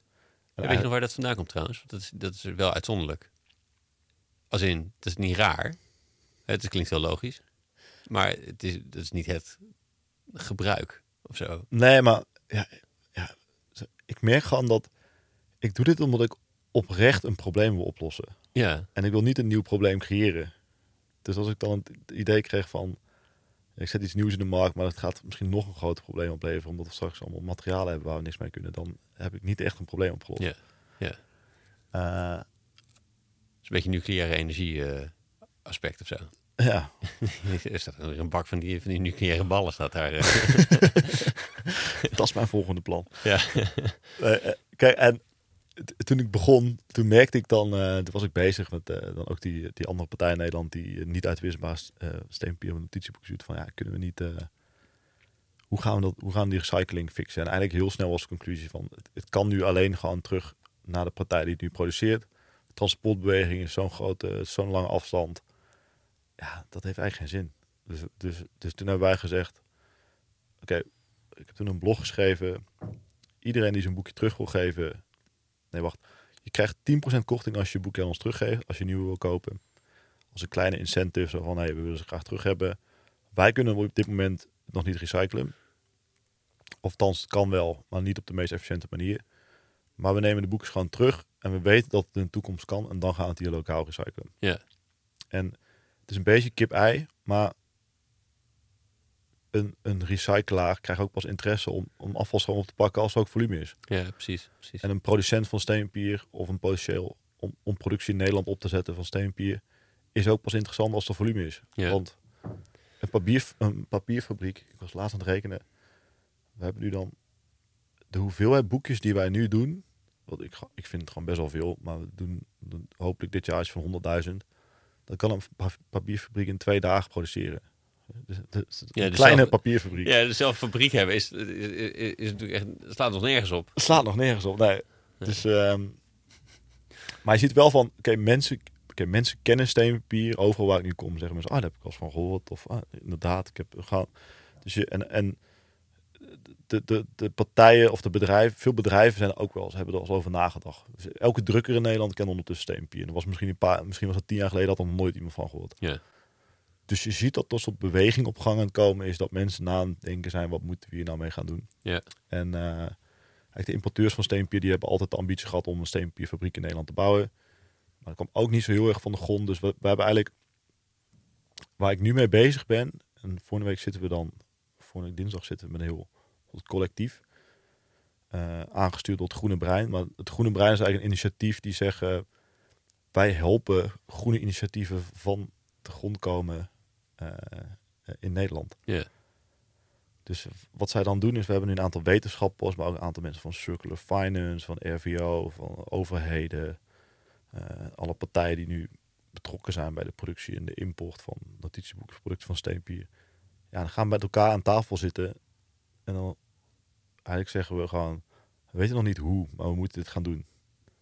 Dus ik wil eigenlijk gewoon heel graag een pilot, ik ik wil graag een, een kleine pilotopstelling in Nederland hebben, dat we in ieder geval het, het papier kunnen gaan recyclen en ook kunnen produceren. Het zal niet rendabel zijn nog, want het wordt waarschijnlijk pas rendabel als het groot wordt. Maar Ja. dat we het kunnen aantonen van, hey, het kan gewoon hier. Nou ja, je, je, gaat, je gaat het een keer proberen te doen. Het hoeft niet natuurlijk. Je kan ook, eh, misschien blijf je kleiner, en, maar de, de- of je doet dit net met andere partijen samen. Maar je, waarschijnlijk wil je een keertje zelf produceren. En als je dat wil, dan, ja, wanneer ga je die pilot doen? Ja, Ga je, Ja. Doe je het nu al of doe je het, doe je het tegen de tijd dat je het eigenlijk al nodig hebt? Maar in, in beide gevallen kost het geld. klopt. Ja. En nu kunnen we het aantonen. En uiteindelijk de markt, kijk, als je gewoon puur naar marktdynamiek kijkt en wat er gebeurt op macro-economisch niveau. Pulpapier is gewoon extreem vervuilend. De prijzen van pulpapier die zijn voor mij met 30, 40 procent gestegen. Eh, steenpapier zit afvalsteen in. Eh, gebruikt 70 procent minder energie. Ehm, is beter recyclebaar. Dus op schaal zou het gewoon echt veel, veel, veel goedkoper zijn dan papier. Er een paar, eh, paar- even soort voor de luisteraar check vragen. De, de, je zegt beter recyclebaar, maar meer omdat het hoogwaardiger blijft tijdens het recyclen, toch? Dat bedoel je? Het, dat, eh, dat pulpapier, dat, dat, dat wordt eigenlijk minder. Er moet weer nieuw papier bij om het, eh, om Ja, het goed te maken. omdat daar vezels in zitten. En hier zitten geen vezels in. Ja, precies. En, dit, ehm, en is er genoeg steen? Zeg maar, Ja. Dat is de volgende. Zeg maar, dus, eh, een boomplant kan je weer aanplanten. Ja, we hebben de Alpen toch en de Ja. Pyreneeën. Graaf die eens even lekker op. Ja. Nou ja, dus maak ik me bijvoorbeeld elektrische auto's wel zorgen over. Er komen wel weer van die grote mijnen bij. Ja, wel nee, leuk, dus, leuk, eh, maar Calciumcarbonate is de meest voorkomende grondstof, geloof ik, op de planeet. En dus eigenlijk eh, ook op dit moment een van de grootste afvalstromen. Maar het is geen vervuilende afvalstroom. Dus, dus de, de, de, de grondstof nu is vanuit de mijnindustrie. Dus dat wordt eigenlijk, de mijnen worden leeggehaald. Mhm. En dan halen ze het marmer, halen ze het mar, ja, ik kom dus wel wat Venlo, het marmer halen ze eruit. en, eh, en, en dit is eigenlijk een restproduct, dus dat ligt daar gewoon op, ligt gewoon een hoop steen. Dus dat, dat wordt eigenlijk nu gebruikt. ja, ja, precies. Maar de, de, de, de- korte termijn afhankelijk van hoeveel mijnindustrie er is. Zeg maar, of er dus genoeg Ja. afval, afval eh, tussen aanhalingstekens bij uitkomt. Ja. Ja, en bijvoorbeeld een van de partijen die nu ook aangesloten is in het collectief is de BAM-groep. En Ja. die, die zeggen, ja, onze grootste afvalstroom is steen. Ja, dus, dus die zijn ook geïnteresseerd van, hey, wij willen eigenlijk wel iets met dat steen gaan doen. En eh, Brabant Water is aangesloten omdat zij kalk gebruiken om water te schoon te maken. En dit cal calciumcarbonate is eigenlijk gewoon limestone. Is gewoon eigenlijk gewoon kalk. Dus Ja. er zijn gewoon best wel wat afvalstromen ook hier die we zouden kunnen gebruiken. Maar ik, kan, ik durf nog niet te zeggen of ik weet dat we al die stromen kunnen gebruiken. Daar heb ik gewoon nog niet genoeg kennis van. nee, daar is de pilot voor natuurlijk. Ja. En- bijvoorbeeld- voorzichtig bent in de belofte, maar Ja, en stel dat je een rode steen hebt, krijg je dan rood papier of ga je dat dan bleken om wit papier te krijgen? En wat, is dan, wat heeft dan meer impact? Want dan misschien wil je wel zeggen van ja, we willen alleen lichte steen hebben. En, en ze- hoe, hoe schoon zijn die afvalstromen die je dan krijgt van, van een BAM-groep? Ja, dus ja. dat weet ik allemaal nog niet. Nee, precies. Maar het is wel, wel, wel, mooi om daarmee eh, bezig te zijn. Dus dat, dat is een beetje terug naar mijn eerste punt. Je, zijn, je, je zit best wel na aan het denken over de problemen die er nog niet zijn. Zeg maar. dat, Ja. Ja, dat is ook een beetje de aard van jouw beestje misschien. Dat, eh, Maar als ik gewoon, weet, weet je, wat me gewoon echt tof lijkt, is als we echt die papierindustrie gewoon helemaal het hele systeem kunnen veranderen. Ja. Dus ik wil door deze pilot op te zetten, moeten we ook gaan nadenken hoe gaan we al dat steenpapierafval weer terug bij ons krijgen. Net zoals we dat misschien 100 jaar hebben ingeregeld voor het recyclen van regulier papier nu. En wij zijn met ons product stap voor stap steeds meer eh, landen aan het sluiten. En het mooie vind ik gewoon, we hebben eigenlijk een product wat bijna geen afval maakt. Maar daardoor krijgen mensen bewustzijn van de papierindustrie en, en alternatieven die er zijn. En als, je, als we zien dat er volume in het land komt, dan voelt het voor mij heel logisch om te zeggen, dan kunnen we in dat land kunnen we ook een klein fabriekje op gaan zetten. Dan kunnen Ja. we daar ook produceren en recyclen. En dat betekent ook dat we ook dan single-use papier daar zouden kunnen gaan maken. Dus, of, dus bijvoorbeeld printpapier of dozen of al, al die andere stromen waar ook papier voor wordt gebruikt, Ja. kun je dan ook op een gegeven moment gaan toevoegen. Ja, dat is misschien nog een le- leuke toevoeging volgens mij. Want als ik, eh, ik- misschien heb ik het verkeerd gelezen, dus correct, corrigeer me als ik het verkeerd heb. Maar volgens mij is de, de, het één keer produceren van het boekje is al, heeft al minder impact dan een papieren boekje. Ja. Dus nog voordat je het een tweede of derde, vierde, vijfhonderdste keer gebruikt hebt. Ja, en daarin zit ook meegerekend dat, het, dat je dus bij het restafval gooit. Eh, dit, jullie boekje bij het restafval. Ja, dus dat je het niet eens recycelt. Ja, Wat je wel bij papier doet. Dus, ja, ja. ja. Dus de productie is minder en we hebben een soort LCA gemaakt dan. Ik zou in geen fabriek willen draaien. ja. Dus misschien wel een stukje daarin participeren, zodat we weten van... Wij hebben in ieder geval onze belangrijkste grondstof, namelijk het papier, kunnen we daar krijgen. Dus we willen daar misschien ook wel ervan zeker van zijn dat we dat, dat, we dat, dat kunnen krijgen, zeg maar. Maar ja, ja, precies. ik hoef geen fabriek te draaien en ik hoef daar ook, ik hoef wederom ook niet, niet- geen geld aan te verdienen. Ik heb tot drie grote verdienmodellen waar ik denk dat er best wel veel potentie in zit. En dat is eigenlijk dat steenpapierfabriek, waar je dus ook andere producten van steenpapier kan gaan maken. Mhm. Waar we denk ik wel een stukje onderdeel van gaan zijn, maar ik ga niet de directeur van de fabriek zijn. En dan hebben we de uitwisbare pennen. Daar zitten nog best wel veel innovatiemogelijkheden in. En die kun je dus ook op normaal papier gebruiken. En voor onszelf zit hem ook nog wel een stukje tech. En dat is een app hebben. Ja. En in die app zie ik veel mogelijkheden om de klant beter te leren kennen. Als in, wij verkopen nu heel veel aan bedrijven. Maar op het moment dat we, maar we hebben eigenlijk maar contact met één persoon in het bedrijf. Dus we weten eigenlijk helemaal niet zo goed van hoe gebruikt zo iemand dat dan. En we proberen dat te achterhalen. Maar En zo kan je het direct. Ja, het is Evernote dat dit met, Mol- met Moleskine volgens mij. hè? Zo'n Ja. combinatie een paar Ja. terug nog. Ehm, dus, dus qua, dat zie ik nog wel als drie grote verdienmodellen.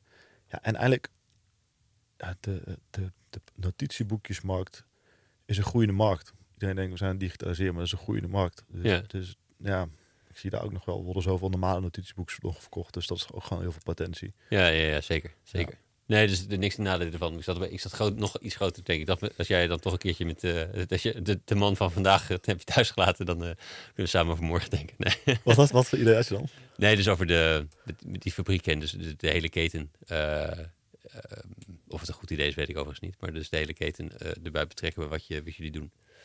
Ehm, hey, over, over grote plannen. Jullie, hebben, jullie, jullie staan ook op het punt om een sharefunding campagne live te laten gaan. Ja. Dus de- misschien luisteren mensen, als die al live is, misschien luisteren net ervoor. Maar de, kun je daar iets over vertellen? Over, over het waarom en ook waarom op deze manier? Ja, dus we hebben eigenlijk de eerste twee keer hebben we geld opgehaald door middel van een lening. Dus heb je renteaflossing. En eigenlijk, ehm, toen, toen ik begon met ondernemen, vond ik het altijd best wel raar dat, zoals we heel veel bedrijven nu hebben opgebouwd, is dat er één of twee mensen gewoon de aandeelhouders zijn en dus ook de financiële vruchten plukken van je bedrijf. Dus toen we begonnen dacht ik altijd, ik wil meteen gewoon mijn medewerkers erbij betrekken. Maar als je kijkt naar de juridische stappen die je daarvoor moet nemen, is het gewoon best wel complex. Hmm. En eh, sinds kort is er een, eh, of sinds kort bestaat al een aantal jaren, maar je hebt eigenlijk share funding. Dat is eigenlijk een model om eh, mensen mee te laten investeren, mede-eigenaar te laten worden, maar ook medewerkers en ook je partners. Dus wij werken samen met een magazijn en een producent. Ehm, maar eigenlijk ga je dan geld ophalen om, om door te kunnen groeien met de mensen om je heen, of eigenlijk je, eigenlijk je stakeholders. Ja. Eh, en dat zijn we nu aan het doen. Dus we gaan eh, ja, heel veel van de plannen die je net hebt gehoord, die komen, daar hebben we dat geld eigenlijk voor nodig om door te kunnen groeien.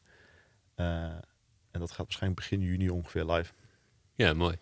Mooi. En kun je iets van de, de bedragen en de aantallen noemen? Zeg maar, van de, dus hoe, hoe, hoe, per wat kan je meedoen en, en hoe ziet dat er dan uit? Ja, dus we willen, ons doel is nu om 350.000 euro op te halen. En je kunt mee investeren vanaf 250 euro. Ja. En als investeerder krijg je eigenlijk waardestijging, je krijgt een winstdeling en je krijgt, ja, we noemen het karma punten, maar ja, ho- hopelijk doe je het ook om, eh, om, om ons bedrijf verder te helpen en daarmee dat we nog meer bomen kunnen planten en de papierindustrie kunnen verduurzamen.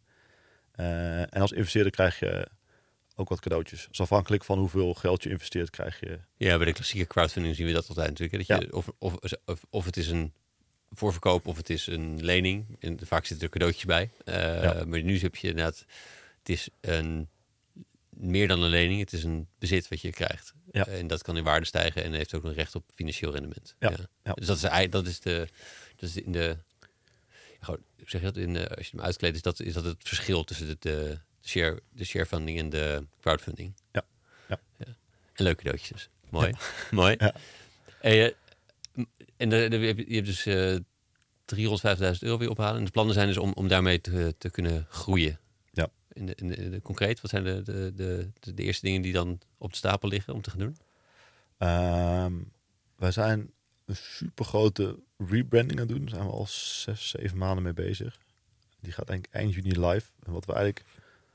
eh wacht, ik vertel daar zo meer over. Maar dus het stukje rebranding. En daar zit een stukje marketing in. Eh, en dan de marketingkosten om verder uit te gaan breiden naar andere landen. Ehm, en een stukje voorraad inkoop. Ja. Eigenlijk drie dingetjes. Dus rebranding, marketingkosten en, en eh, inkoop. Dan de rebranding. Ja. Ja, wat, wat we... Ik heb ze allemaal gezien natuurlijk. Dus ik heb er eentje mogen zien. Ja, ja, inderdaad. Ja. En je hebt wat bij, slides ja. gezien. En ehm, nou, wat we. Kijk, ik kan heel gepassioneerd over ons verhaal vertellen waarom dat we doen wat we doen. En eh, uiteindelijk denk ik dat met al, misschien hebben we nu al 50 mensen met ons bedrijf meegewerkt, maar along the line heeft het gewoon heel veel ruis soort van gebracht. Eh, die persoon kwam, die vond donkerblauw mooi en die vond eh, deze manier van schrijven mooi. En nu is er iemand bijgekomen die heeft eigenlijk gezegd van laten we nou eens even terug naar de baas gaan. Waar, sta- waar staan we voor? Wat doen we? Waarom kopen mensen ons? En helemaal uitgekleed en, en nu opnieuw opgebouwd. En ehm, het product blijft wel eigenlijk zoals het is, maar we hebben een paar tweaks gedaan waarin we eigenlijk, waar het wel heel duidelijk wordt dat wij wat Mojo is. Ja. Dus er zit een, eh, in elk product komen een aantal witte elementen in, met het idee waar we ook gaan. Dus, dus ehm, het concept is eigenlijk clean, clean graffiti. Dus je maakt iets schoon om iets moois te laten zien. Ja. Dus het papier ga je ook weer schoon wissen en dan kun je pa- pagina nog een keer gebruiken. Dus je, je helpt de natuur doordat je elke keer die pagina gaat schoonmaken. Hmm. Dus daarom hebben we ook voor allemaal witte elementen gekozen. Eh, en die witte elementen willen we overal terug laten komen. Dus ons logo zit nu altijd in een wit blokje. Ehm, om, eh, ik vind ehm, de, we, zijn, we zijn iets meer out there. Dus ik zei altijd, eh, we zijn grappig en we zijn activistisch en we zijn, ja, weet je wel, we- iedereen die ons kent, die vindt ons altijd wel denk ik een beetje funky bedrijf. Maar eigenlijk, als je naar ons bedrijf kijkt, het boekje wat je daar hebt, is gewoon best wel gewoon zakelijk of zo. Ja, of had een eh, beetje de, de beetje, bij- bijna zen meditatieachtige vibe qua die, die serene natuur. Ja. De covers eh, had het veel. ja. En nu zijn we daar meer uitgesproken in. Ja, Ja. veel kleurrijker ook. Kleurrijke, ja. Ja, felle kleuren. Hmm. Het is ook spannend natuurlijk, want je, tenminste ik kan me voorstellen dat het spannend is, want je hebt al een paar jaar zeg maar, om met die andere stijl en die, die werkte of zo. Mhm. Dus het is ook wel een sp- een spannend moment. Dus er zijn een paar spannende dingen voor de Ja. boeg, denk ik. Ik denk het ook. En ik, ik ben, ik hou me altijd heel erg vast aan het verhaal van Oatly. Dat degene die dat verzonnen heeft, die eh, hebben ze eigenlijk zo goed als willen ontslaan. Omdat het gewoon te, te crazy was wat hij gedaan heeft. De oprichter of de, de marketingman die het uiteindelijk groot heeft gemaakt. Ja, die het groot heeft Ja, gemaakt. ja, ja. Eh, dus je moet, je moet wel een beetje uniek zijn om, eh, om erkend te worden. Hmm. Anders val je weg in alle andere producten. Ja. En ik ben me er wel bewust van dat, dat we wel tijd nodig hebben, denk ik, dat mensen eraan wennen. Ja. Dus het zal, de omzet zal niet in eerste keer 10 gaan omdat we een rebranding hebben gedaan. Dus eh,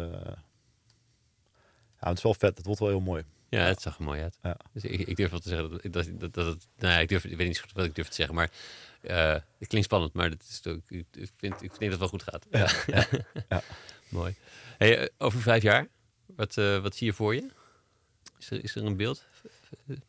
Ik hoop dat we in ieder geval in heel Europa, VS, Japan en Singapore, dat gewoon in ieder geval een stukje Azië, noem maar Singapore, maar gewoon ik denk daar een aantal interessante landen daar, dat we daar een aantal winkels, een aantal bedrijven en een aantal consumenten hebben die ons product gebruiken. Dat we daar een beetje naamsbekendheid hebben.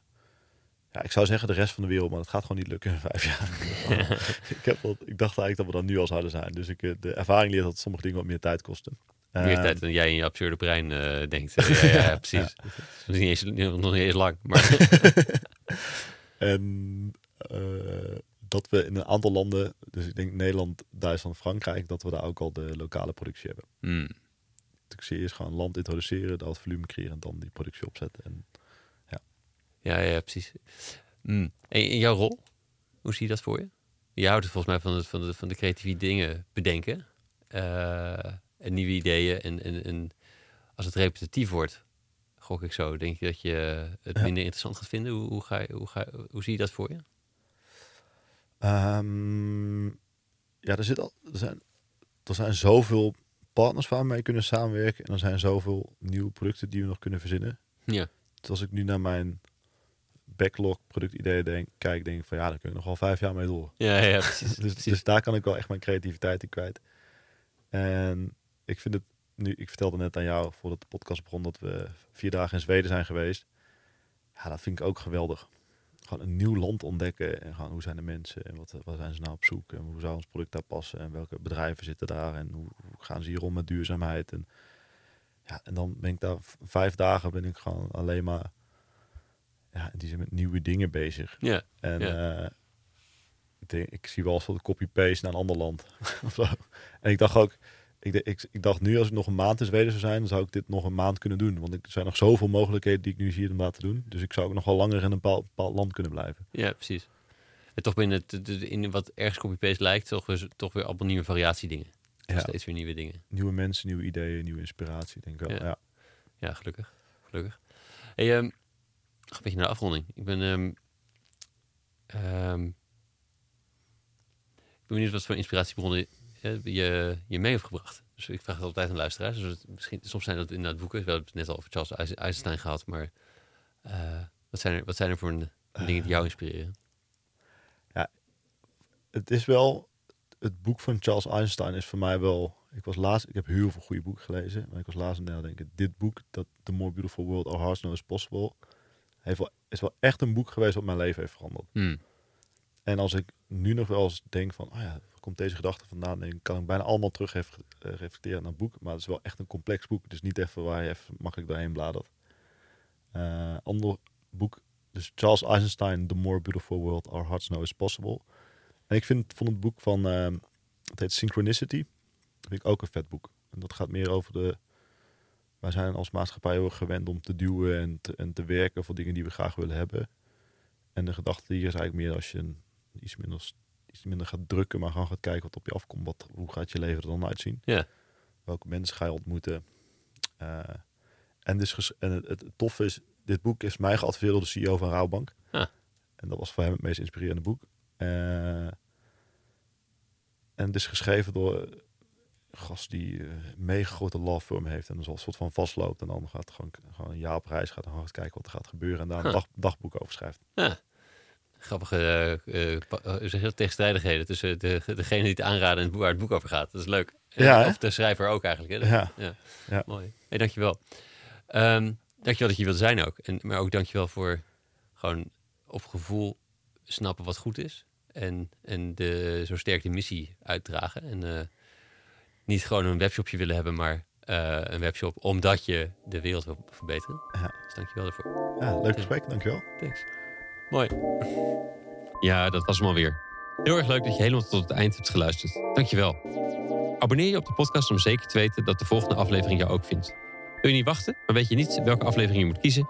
Op de website vind je verzamelingen afleveringen rond verschillende thema's van het ondernemerschap. Zoals co-founderschap, visionairs die het systeem veranderen en het uitvinden van welke vorm van een bedrijf bij jou past. Deze vind je naast uitgebreide show notes met alle lessen en links van alle afleveringen op www.studiogeorge.nl slash podcast. En ik probeer in mijn interviews met mijn gasten de belangrijkste inzichten te ontdekken van hun reis als ondernemer.